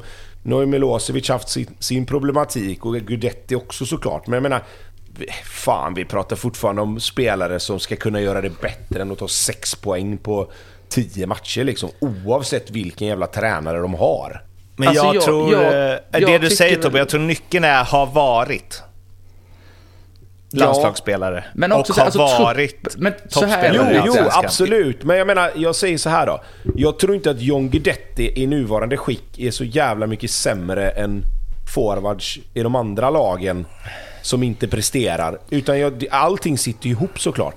Mm. Hade John Guidetti spelat knippe... forward i ett fungerande lag så hade han ju också varit bättre. Men det är ju en knippe halvskadade, eh, liksom skadeskjutna spelare som dessutom jo, spelar i en klubb med enorm press. Så det finns absolut. ingen... Alltså, och då blir det väl Men så här. ska de inte fortfarande vara bättre än 6 poäng på 10 matcher, säger jag? Jo, alltså, vi har sagt jo, att jo. Brännan inte har, jo, men vi har sagt att Brännan inte har fått de spelarna han har velat ha. Och han pekar på honom och han pekar på... Någonstans så är det väl ändå... Alltså, oavsett kaos, oavsett skadade spelare. Vad fan, AIK har väl fortfarande bättre spelare oavsett vilka som är på plan. Att de inte ska ha 6 poäng på 10 matcher. Men- och då ligger det ju någonstans på tränaren. Men vi var, in, vi var inne på det i lag. Det är ju att de spelar dåligt också. Det är ju inte tränarens fel att de är skitdåliga när de väl spelar. Alltså, som det här exemplet Lasse tog eh, förra podden eller något. Liksom, det är första passningen i backlinjen är någon jävla wobblande boll upp i eh, liksom, höften. Nej, nej. På, alltså, nej men jag, och jag har också varit på, jag har också varit på spelarna. Jag skyddade Brännström någon match när jag tyckte att liksom det, här, det spelar ingen roll vad du har för formation, vad du har för spelidé, om inte en AIK-spelare passar bollen till en annan AIK-spelare. Men det tycker jag handlar om, det, det är ju liksom... Det är ju grundproblemet, absolut. Jag, jag, jag håller med om att spelarna inte varit tillräckligt bra. Men jag säger att när jag tittar på helheten nu. Enstaka matcher kan vara olika från gång till gång. Och där kan jag tycka liksom att ibland är det inte tränarens fel att, att en match går åt helvete. För då kan det vara spelarna som är, är liksom det största, om man säger boven då. Sen är det alltid en kombination såklart. Men jag menar mer att sett över hela de här tio omgångarna så är det väl fortfarande så att Brännström inte har fått ut överhuvudtaget någonting av spelare som hade kunnat göra det bättre. Alltså fattar ni, fattar ni liksom vad jag menar? Ja, hönan eller ägget. Men jag vet, Ja, ja men absolut. Men är, det inte Absolut. så, men är det inte så med truppen att den är ju, den är kanske helt ärligt plats 10 till 16. Det gapet är det. Det är ju mer 10 till 16 än, än 1 till 10. Det tycker jag verkligen oavsett vad- meriter och så vidare. Och sen är, det, sen är det såklart lite marginaler emot.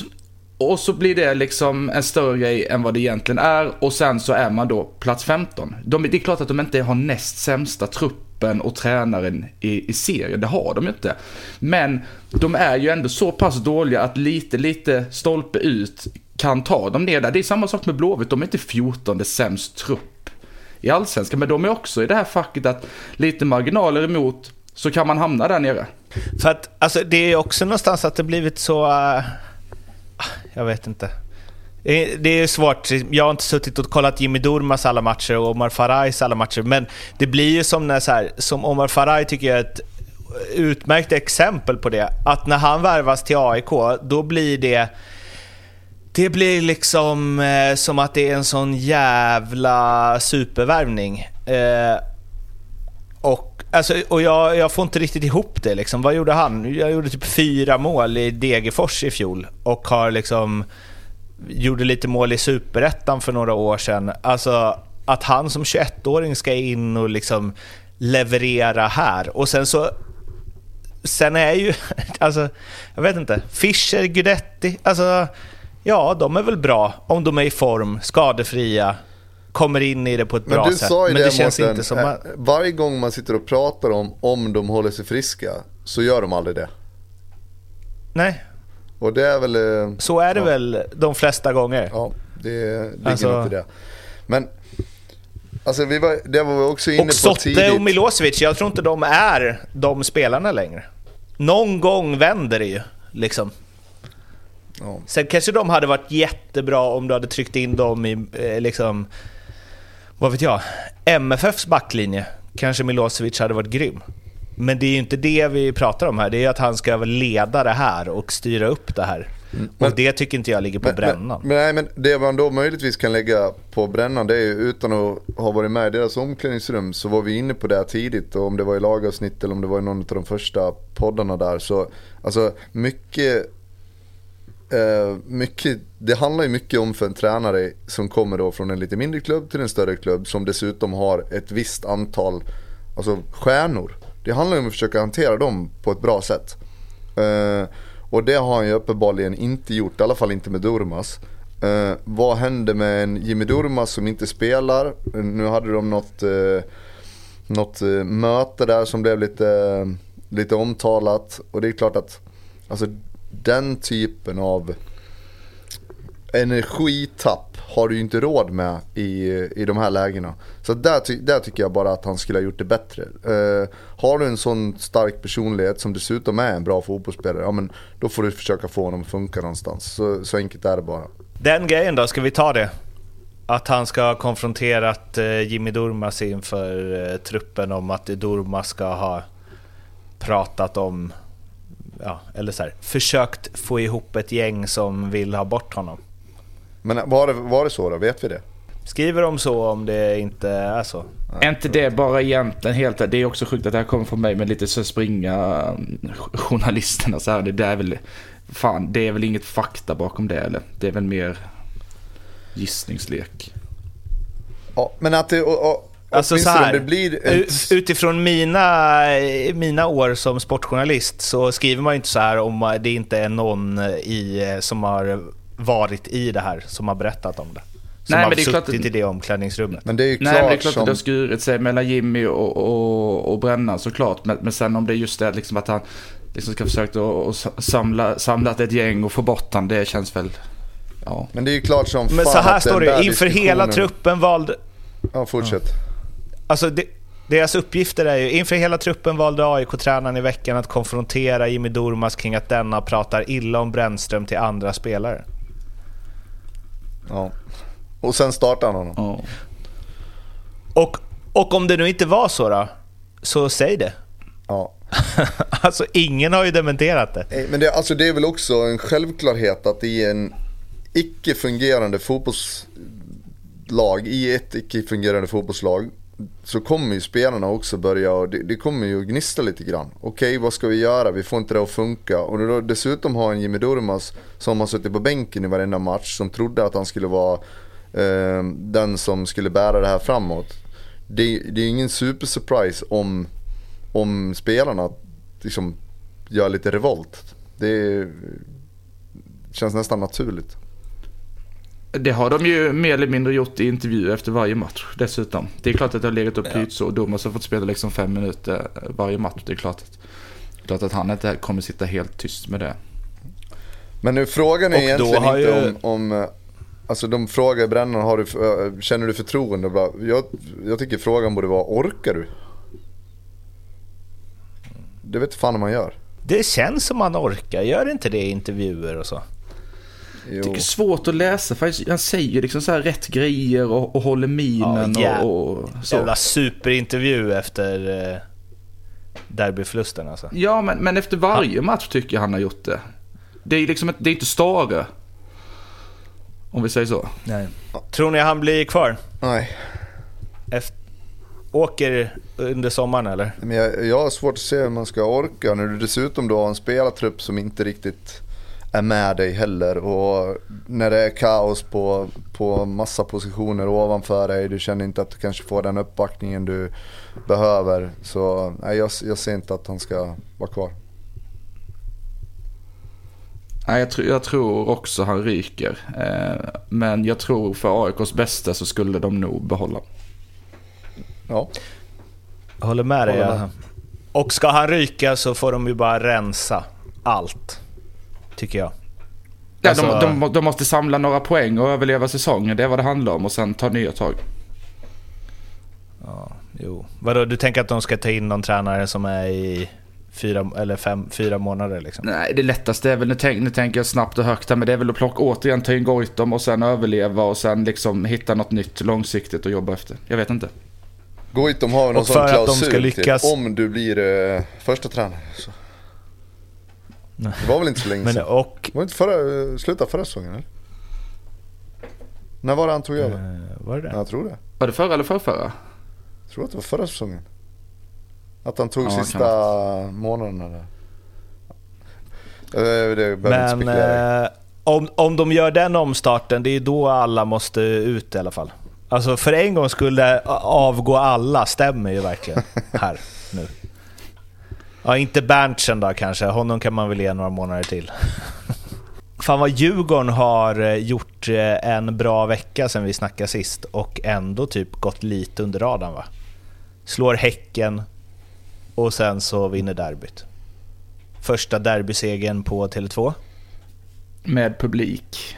De vann publik. pandemiåret mot AIK. Ja, nej, alltså Eh. Djurgården gör det bra. Eh, mot Häcken tycker jag att de... Ja, det behöver vi kanske inte prata om, men de har haft de, de, de, två riktigt bra segrar. Eh, vilket kommer göra att de liksom de bygger självförtroende, de eh, börjar tro lite mer på det de håller på med. Eh, för de har, ju, de har ju bra fotbollsspelare också. Så får de bara lite snurr på det så, så borde de ju kunna vara med och, och hugga lite i toppen. Men eh, det finns väl eh, vissa grejer som, som sådär. För jag tycker Wikhem gör sin gubbe eh, åtta gånger av tio. Men, men alltså, avslutslägena tveksamma. Jag tycker det har varit hela säsongen. Han, gjort, eh, han gjorde ett bra mål på, på någon supervolley. Ehm, men de, jag tycker de borde straffa motståndarna lite bättre med den typ av kvalitet de har där, där framme. Ehm. Sen när Danielsson kliver upp och ställer sig i straffområdet så ser det hur naturligt ut som helst. Det är bara en eh, korrigera fötterna lite, en bredsida i bortre, enkelt. Så snyggt. Tänk, tänk Djurgården när de får fart på tre av sina anfallsspelare liksom. Ja. De är alltså med och, och liksom, nu är det ju en bit upp till, till de två längst upp. Men de är fortfarande liksom, ligger i något litet smygläge här nu liksom. Ut, och, och spelar egentligen, alltså visst Wikheim gör bra prestationer men precis som du säger, det blir liksom ingen slutprodukt riktigt på någon av de tre där framme. Det blir något enstaka mål här och där och någon assist här och där men sett till den kollektiva helheten på de tre längst fram så har de inte fått det att stämma alls. Jag menar, säg att de skulle få igång dem under, under, under sommaren och, och eller liksom efter uppehållet och, och hösten här sen. Då har de ju liksom... Det, det är ju en maskin som, som bara väntar på att få ticka igång känns det som. Ja. Vad har de gjort ihop? Fyra mål? Edvardsen, Berg och Asoro. Och Wikheim. Ja, dålig koll på exakt ja. hur mycket, men jag vet ju att det är, det, det är den lagdelen som har gjort det åt dem innan. Liksom. Mm. Och nu är, det, nu är det ingenting mer eller mindre. Så att, eh, det ja. finns ju ett sparkapital, absolut. Men sen kan man också gå mot då... Är det också då ett fall av att är, är de här spelarna kanske inte så bra som man har trott eller är det liksom att de har en dålig säsong bara? För det går ju att applicera liksom, om vi pratar om AIK på det sättet så kan man ju titta på Djurgården också och se, okej okay, är, det, är det någon spelare i Djurgården som har hamnat i det facket? Eller är det bara att de har lite oflyt, dåligt självförtroende och inte riktigt får det att stämma? Men jag tror återigen där, eh, så det, det har vi varit inne på några gånger, men just att Alltså hitta någon sorts trygghet i det där anfallsspelet också. Nu antingen spelar Berg nia eller så spelar han eh, eh, tia och så ska Sora spela eh, nia och sen ska Edvardsen spela nia och sen är han till vänster och så byter de mitt i matchen och det blir det har varit lite för otydligt tror jag, även för, för Djurgårdens del i, i anfallsspelet. Men beror inte det också på att de inte riktigt har hittat rätt? Då? Jo, Alltså, men jag tror inte att hitta rätt, så... jag tror inte att nyckeln är att hålla på och byta runt och flänga på det liksom. Vända och vrida och nu, sku, nu har vi hittat nyckeln. Om vi spelar honom där för då möter han den här vänsterbacken idag. Då kommer han kunna göra det. Och sen, ja men vem ska spela på hans position? Ja men det, vi testar Berg där istället liksom. Det, jag, jag tror inte att det där är... Du, hitta en trygghet i, i sin position och göra det du är bäst på. Så då får du ut mest av, av både individen och, och, och kollektivet. Det tror jag i alla fall.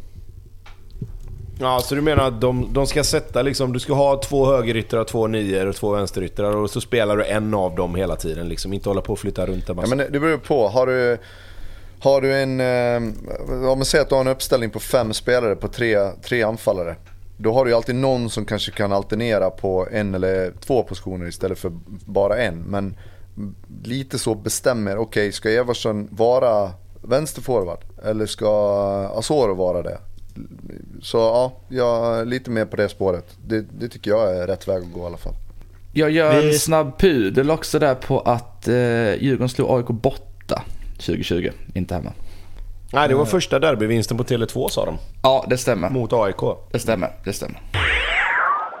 Vi har fyra matcher till, vi ska bränna av lite fort. Eh, men först jag bara klickade runt lite på, i statistiken på eh, allsvenskan.se. Eh, Mikkel Rygaard har alltså gjort mer än dubbelt så många assist som någon i något annat lag. Mm. Vi gnällde på honom första omgångarna. anmärkningsvärt. Han är igång. Exakt. Han har gjort nio på elva. Olden Larsen har gjort fem och är tvåa och sen kommer Ondrejka på tredje plats med fyra. Det är ju för fan... Eller om- Ruggigt alltså- bra alltså. enormt ju. Även absolut, han har skyttekungen i samma lag och så. Man har väl gjort några baljor också på det, så... Ja. Hade han varit 20, det hade varit något. Ja, nu är han ju inte det. Hade jag satt den i bortre Eh, krysset. Kalmar-Norrköping. Hade jag varit 20, då jävlar. Tänk att veta det man vet nu. Eh, Kalmar-Norrköping. Eh, satt och eh, kollade på den. Eh, satte igång den eh, strax efter att Norrköping hade gjort 1-0. Och kände fan vad starkt av Norrköping att greja tre poäng borta mot Kalmar. Eh, sen blippade jag över till eh, derbyt, blippade tillbaka och vipp stod det 2-1 till Kalmar. Eh, starkt av dem då istället blev det ju. Och Rajovic fick liksom bröta in eh, 2-1 målet på ett Rajo, Rajovicigt sätt. Eh, och ja, de här lagen känns typ eh, exakt lika bra. Ja, det är nästan så här. Norrköping vinner sin hemmamatch, Kalmar vinner sin hemmamatch. De slutar bredvid varandra i tabellen. Ja, de kommer bli typ sexa och sjua typ. Eller femma och sexa kanske, det beror på lite. Men, eh, men alltså det är ju två lag som har... Alltså jag tycker på ett sätt har ju Kalmar ett lite bättre grundspel tycker jag ändå. Alltså jag tycker att det känns lite mer strukturerat. Jag tycker Norrköping fortfarande lever lite för mycket på sina offensiva spelare. Eh, det, det var en period där när Norrköping var otroligt bra och där man kände liksom fan ska de haka på toppen eller liksom så här. De har fått lite ordning på sitt försvarsspel tyckte man. Eh, men nej. Jag, nej, det blir, nej men det blir lite den känslan att fasiken det är lite för många mål som ändå blir till... Alltså, som, som Rajovic mål, absolut. Men, men det är en sak att vara bra in i straffområdet och liksom ligga rätt och hitta ytor och så. Men det är också en sak som på det här målet, att bara springa först mot bollen liksom. Han, han, han, gör, han behöver inte göra någonting liksom. Han bara tar... Han, han springer ju bara mot bollen och är först på bollen och där måste ju... För mig blir det så här, där måste ju en backlinje uppfatta faran mycket snabbare. Framförallt Alltså, i någon- 90 minuten kanske. Ja men ta någon meter djup och ligg före din spelare liksom bara. Alltså, det, det är en sak om vi snackar om som vi, som vi gör ibland att ja, men man tar ett löp mot första stolpen och viker av liksom så att du får gjort någonting. Men här är det ju, det blir ju springtävling Nej, här nej, bara. nu måste, och då nej, är nu han måste jag först. korrigera här. Det, det stämmer inte. Det är faktiskt en jävligt bra, smart forwardslöpning av Rajovic. Han, är, han viker lite grann mot bortre stolpen och skapar sig de där metrarna på första. Så att, eh, check your facts Tobbe. Ja, då, okej, då får jag kolla på den situationen igen. För, för, för när jag tittade och, och, och såg så tyckte jag det såg ut som att han, han bara uppfattar att det är ett inspel på gång och löper järnet mot första stolpen liksom. Men då ska jag kolla på den igen. Han får så då lite på eventuellt får jag pudla i... Men eh, återigen, du har ju Ja, rätt och- i att alltså, i 90, 90 minuten, alltså, då får du se till att vara lite tajtare då. Sätt den där handen i bröstet eh, innan han har dragit iväg i, i sin löpning. Ja, men jag älskar om det är så att han faktiskt gör den där lilla, lilla avledande. För då är, det, ju- då är det ju faktiskt så att då, då gör han det ändå bra. Liksom. Sen tycker jag fortfarande att man kan försvara sig på ett bättre sätt och du behöver ta lite djup och ligga lite, lite mer liksom på, på safe-sidan när det är precis som vi pratar om där. Alltså då får du kanske då får du kanske skita i att hålla upp backlinjen på det sättet. För att det blir lite för enkelt tycker jag. Men eh, jag ska kolla på det igen. Ja. Men det, det, så, Ja, det får du det, göra. Du kan inte hänga ut spelare här åt höger och ja, vänster. och det ska ju mycket till att jag försvarar. Nej. Hänga ut gör jag väl inte. Det var ju snarare tvärtom, att han gör ju det bra. Han tar ju sin löpning. Och, Nu ska, Men att Eh, Kalmar- jag vill hänga ut. Nu har han bara ett, han bara ett mål kvar, sen är mitt långtidsspel hemma. Men att Kalmar är lite längre Eh, än Norrköping, det är vi väl överens om. Det känns väl som att Norrköping, det, de blixtrar till lite då och då. Eh, och som du säger med deras offensiv, har de en bra dag så kan det bli lite bättre än vad man tror att det ska bli. Det känns som att Kalmar nu kommer, nu har de två raka va? Att de liksom har kommit in i det lite grann, Mm. fått också lite självförtroende men att eh, de känns som att de har ett tryggare grundspel i alla fall. Det är min feeling. Sigurdsson lämnar ju också nu. Kalmar är ett bättre lag, Norrköping har bättre spelare. Men gör han verkligen det då? Var det inte någon... eh, har, har du det bekräftat eller? Att han drar? Ja, det stod Ja, någonstans Sig- idag att han... Sigur, Sigurdsson lämnar ja. Ja okej. Ja, för det var ju något som var upp där att de skulle få, ja det var någon, eh, någon eh, så här extra insatt grej att hade man avtal i Ryssland så kunde man förlänga lån och grejer. Men, men det blev inget med det då. Ja, men det var, grejen är att han, ska- han ska nog inte till Moskva igen, om vi säger så. Nej. Nej. Utan det blir nog något annat. Kan vara bra för dem med. Får de lägga ännu mer vikt på hur de ska spela istället för att bara ge bollen till honom hela tiden. Ja, för han är bra men så Vi- bra är han inte. Ja, han är ju för uppsnackad. Visst är han det? Ja. Ja, det har jag sagt sedan början. Jag har fått mothugg varje gång. Inte av mig hoppas jag. Eller... Jo, jag undrar, jag funderar på om du är ironisk. Nej, jag är inte det. Men ja, Nej, jag tycker man inte heller han är så bra. I så fall har jag mycket... ändrat mig nu. Hade han haft en annan frisyr och svarta skor hade man inte pratat lika mycket om honom. Hade han spelat i ett topplag så hade man på satt, snackat om honom som allsvenskans bästa spelare. Så det går ju att vrida och vända åt två Tror du det? Ja, Om han har det spelat- hade. Ja. Lätt att han hade. Ja, okej. Ja. Jag tror inte han hade varit lika bra där heller. Han har inte fått lika mycket poäng. Skitsamma, Vito är kvar, så det är lugnt. Eh, Tänk måste om- också, tänk om han var du, 18. häng, du hängde ju inte ut eh, någon spelare, Tobbe, där sa du. Jag ska göra det nu. Johan Karlssons touch och försvarsspel vid Norrköpings mål är liksom shades of Mårten Bergman division 5. Det är hur fan kan man ta emot bollen så vid egen straffpunkt? Alltså det är liksom en vanlig rullande boll in som han bara... Eller så här, skjut ut den till... In, gör en Robin Tranberg.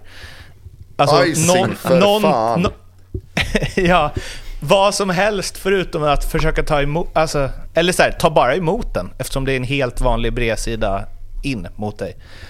Jag vet inte om ni sett det, men han eh, liksom duttar ju Jo, från det, högerfot till vänsterfot. Är är rakt ut till Sigurdsson.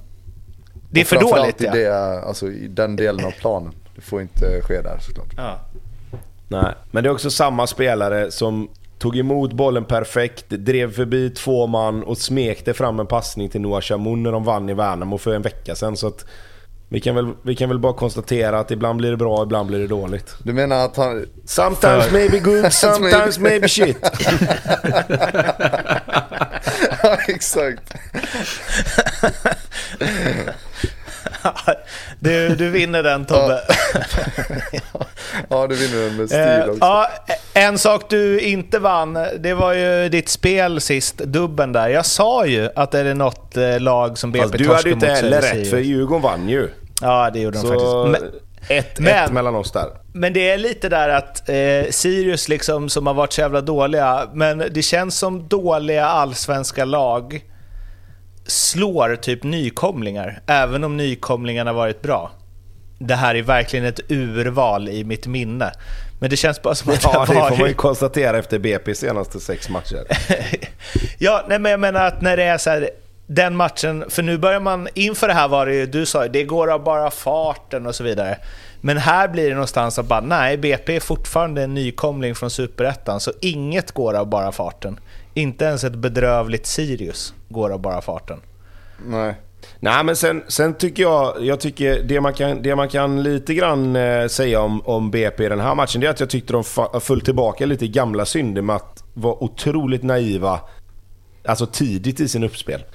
Jag menar Sirius första mål är ju, det är ju ett sånt mål som BP släppte in de tre första matcherna men som man inte har sett lika mycket sen efter det.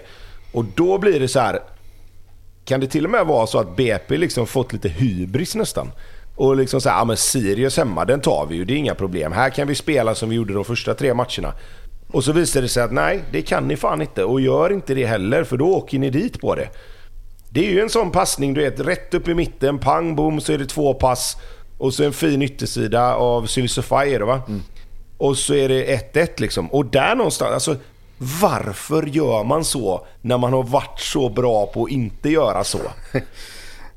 Nej men alltså det blir så här, för mig blir det så här, ska BP komma in i en match mot ett annat allsvenskt lag och liksom säga bara, ja men det här har vi.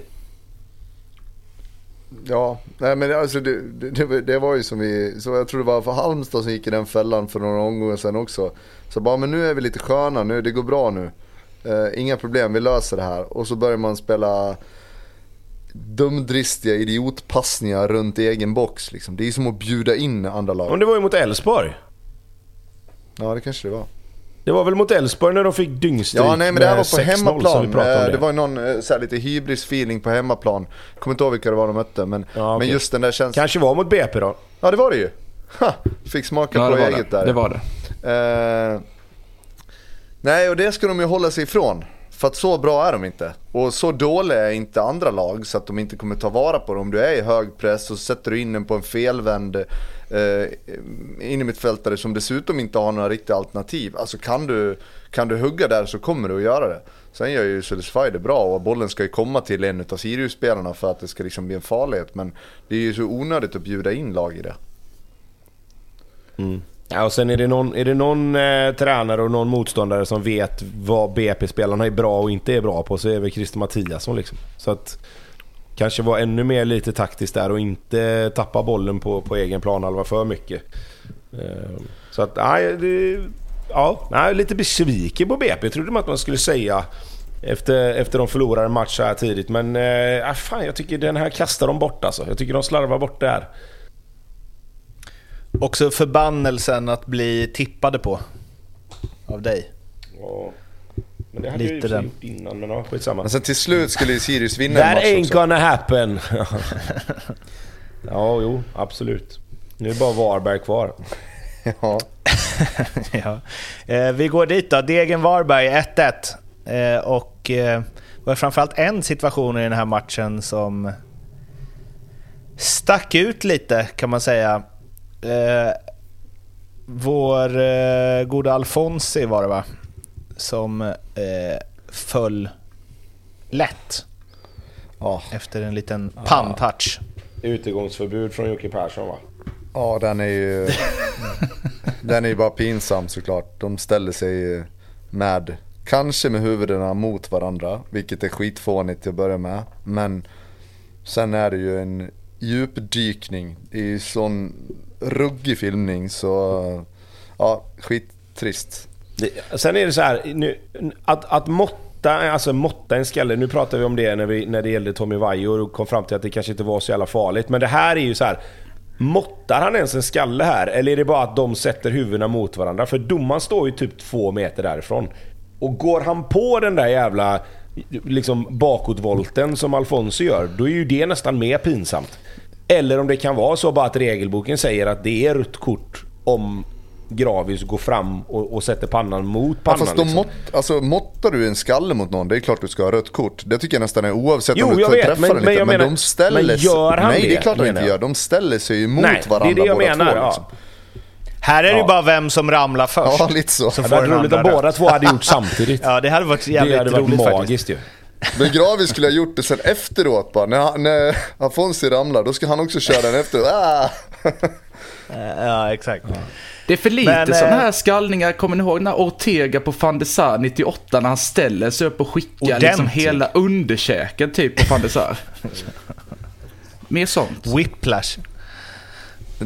Mer Men det är också svårt att veta vad som är över en i det läget ju. Eh, men eh, är det. var ju någon eh, i Degerfors, eh, vem var det? Var det, det måste ju varit målskytten Bosaine där som de eh, intervjuade. Som sa att, eh, att han tyckte det var pinsamt och eh, att det var filmning. Men att han hade eh, definitivt velat ha ett rött om det var tvärtom. Sa han det? Ja. Okej. Det var ju väldigt, väldigt märkligt sagt. Han kanske har lyssnat på mig. Ett kryss två där. Nej men det var ju i alla fall sådär, skådespeleriet har nått nya höjder. Men det är jävligt konstigt då att då tycker han inte, nej jag kan inte förstå. Det är ett overkligt resonemang. Vad, vad vill ni? Vad tycker ni är rätt där? Gult på Alfonsi? Men de ska ha gult, Gult på båda, båda. två då för att de går Ja, emot gult, varandra. gu- Gult på båda, ja. Gult för att de sätter huvudena mot varandra. Eh, och så nästan ett extra gult på filmningen då. Två gula, Jag hade kunnat, alltså så här till och med, så här till och med. Om domaren tycker att det är rött på Gravius. Så hade jag kunnat köpa om han ger gult kort. Dubbelrött? Nej men jag kan köpa att han ger gult kort till Alfonsi för filmningen ändå. Liksom. För man ser, ju ändå att, man ser ju ändå att det är ju liksom inte så farligt. Men om han då tycker att han ska inte dit med huvudet, det där är rött kort. Så vet han ju samtidigt att så där jävla ont gjorde du inte. Vad är det här liksom? Ja, jag, jag gillar ditt eh, resonemang. Jag- Det hade varit kul att höra domaren förklara det efteråt sen. Så bara, hur tänkte du här? Ja men eh, här får du en utläggning. Ja, varför inte? Eh, ja, är det något mer om matchen eller ska vi... Eh, nej men det var väl att eh, eh, jag tyckte att Vukojevic och Campos känns eh, hetare och hetare. Han, Vukojevic gjorde mål i veckomatchen där och det känns som att han börjar hitta mer och mer rätt. Ehm, sen eh, blir det tyvärr, ja de gör ju inget mål någon av dem men, men eh, det känns som att deget Men det är inte för att det inte saknas Nej chanser. verkligen inte. Jag tycker Jävlar vad mycket Ja avslut men han så hade. det här, det här som man kommer ihåg honom, i alla fall från Superettan, när han kommer ner, mö, alltså vänder bort en spelare med bollen och sen kommer till de här avsluten från 16-20 meter där han där är han ju livsfarlig. Han har ju sånt tryck med båda fötterna så att det, det handlar ju mest bara om att träffa mål för honom och det gjorde han tyvärr inte i den här matchen. Mm. Eh, Mjällby-Halmstad 0-2. Hal, ur, det känns inte som Halmstad. Känns inte som Mjällby heller, för den delen. Jo, Mjällby känns det som, men inte som Halmstad. Att de eh, besegrar ett eh, jämnbra, lite bättre lag borta med 2-0.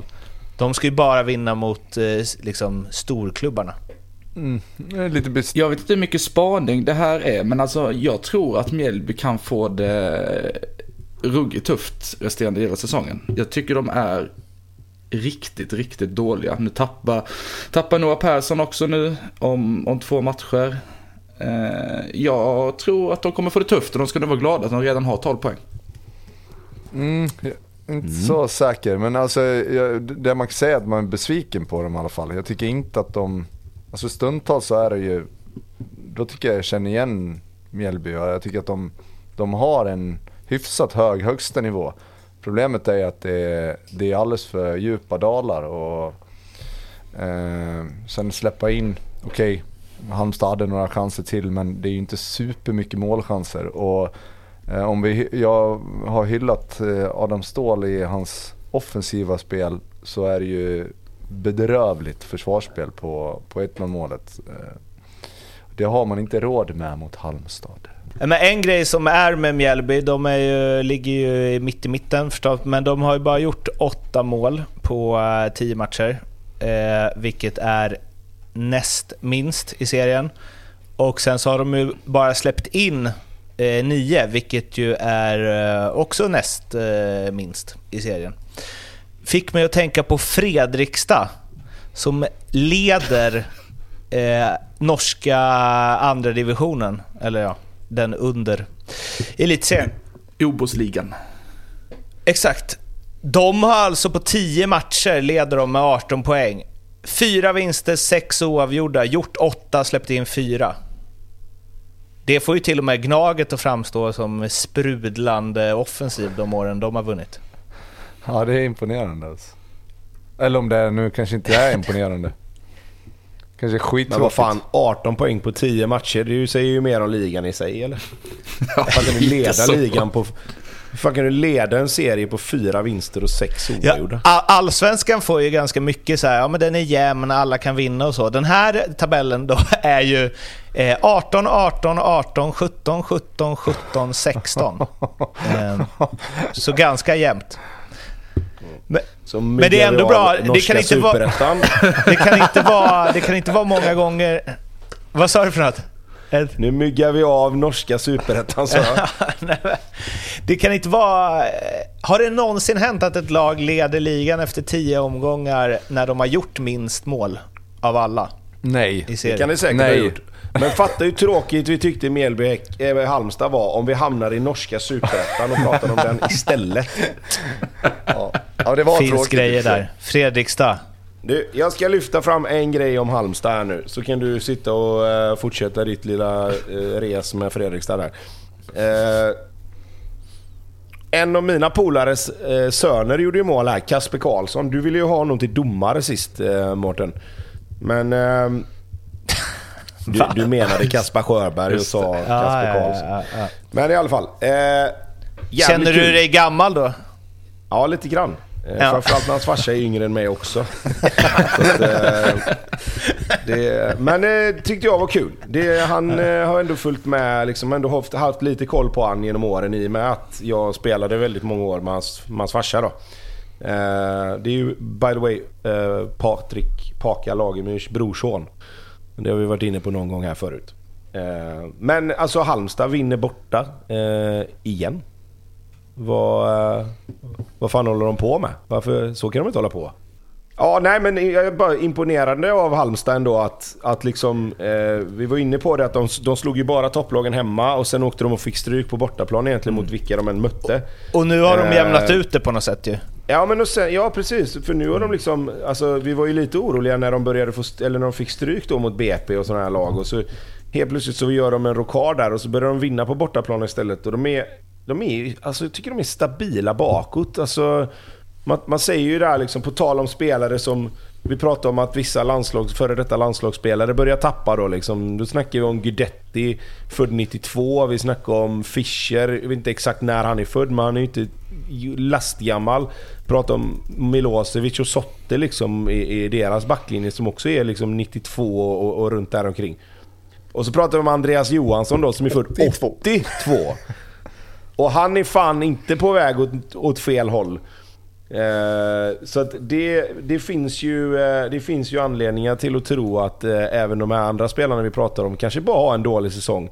För när man tittar på Andreas Johansson och, och, och Baffo där liksom. Alltså, på tal om att spela ihop sig som ett, Men- som ett mittförsvar. Eh, det är sjukt alltså hur de, Men om man då hur är, de kan göra det år om man då år. är så samspelta som de två då påstått är. Hur fan kan man springa rätt in i varandra på mittplan? Alltså det är en helt Nej. sjuk duell. Absolut. Men det, men det, det lägger jag på Baffo. Ja, ja, 100%. För Andreas Johansson är redan Ja. där. Han är redan där och han räknar med att den här har jag. Och sen kommer Baffo i 200 km i timmen och bara det, var, kör ju- det är rätt nästan en sån här liksom. Christian Jädler-grej eh, för massa år sedan när han knäckte hela Ja, ja, ja. ansiktet på, på Jädler. När Kouakou kom och körde över. Men du, jag tänkte, jag tänkte på en sak där. Hade det inte varit väldigt också on-brand allsvenska domare och blåsa av Fengers friläge där för att det är huvudskada på, Andrea, eller på Andreas Men måste Johansson? han inte göra det? Jo, det är klart egentligen enligt regelboken. Men här kommer ju din fingertoppskänsla då, Mårten.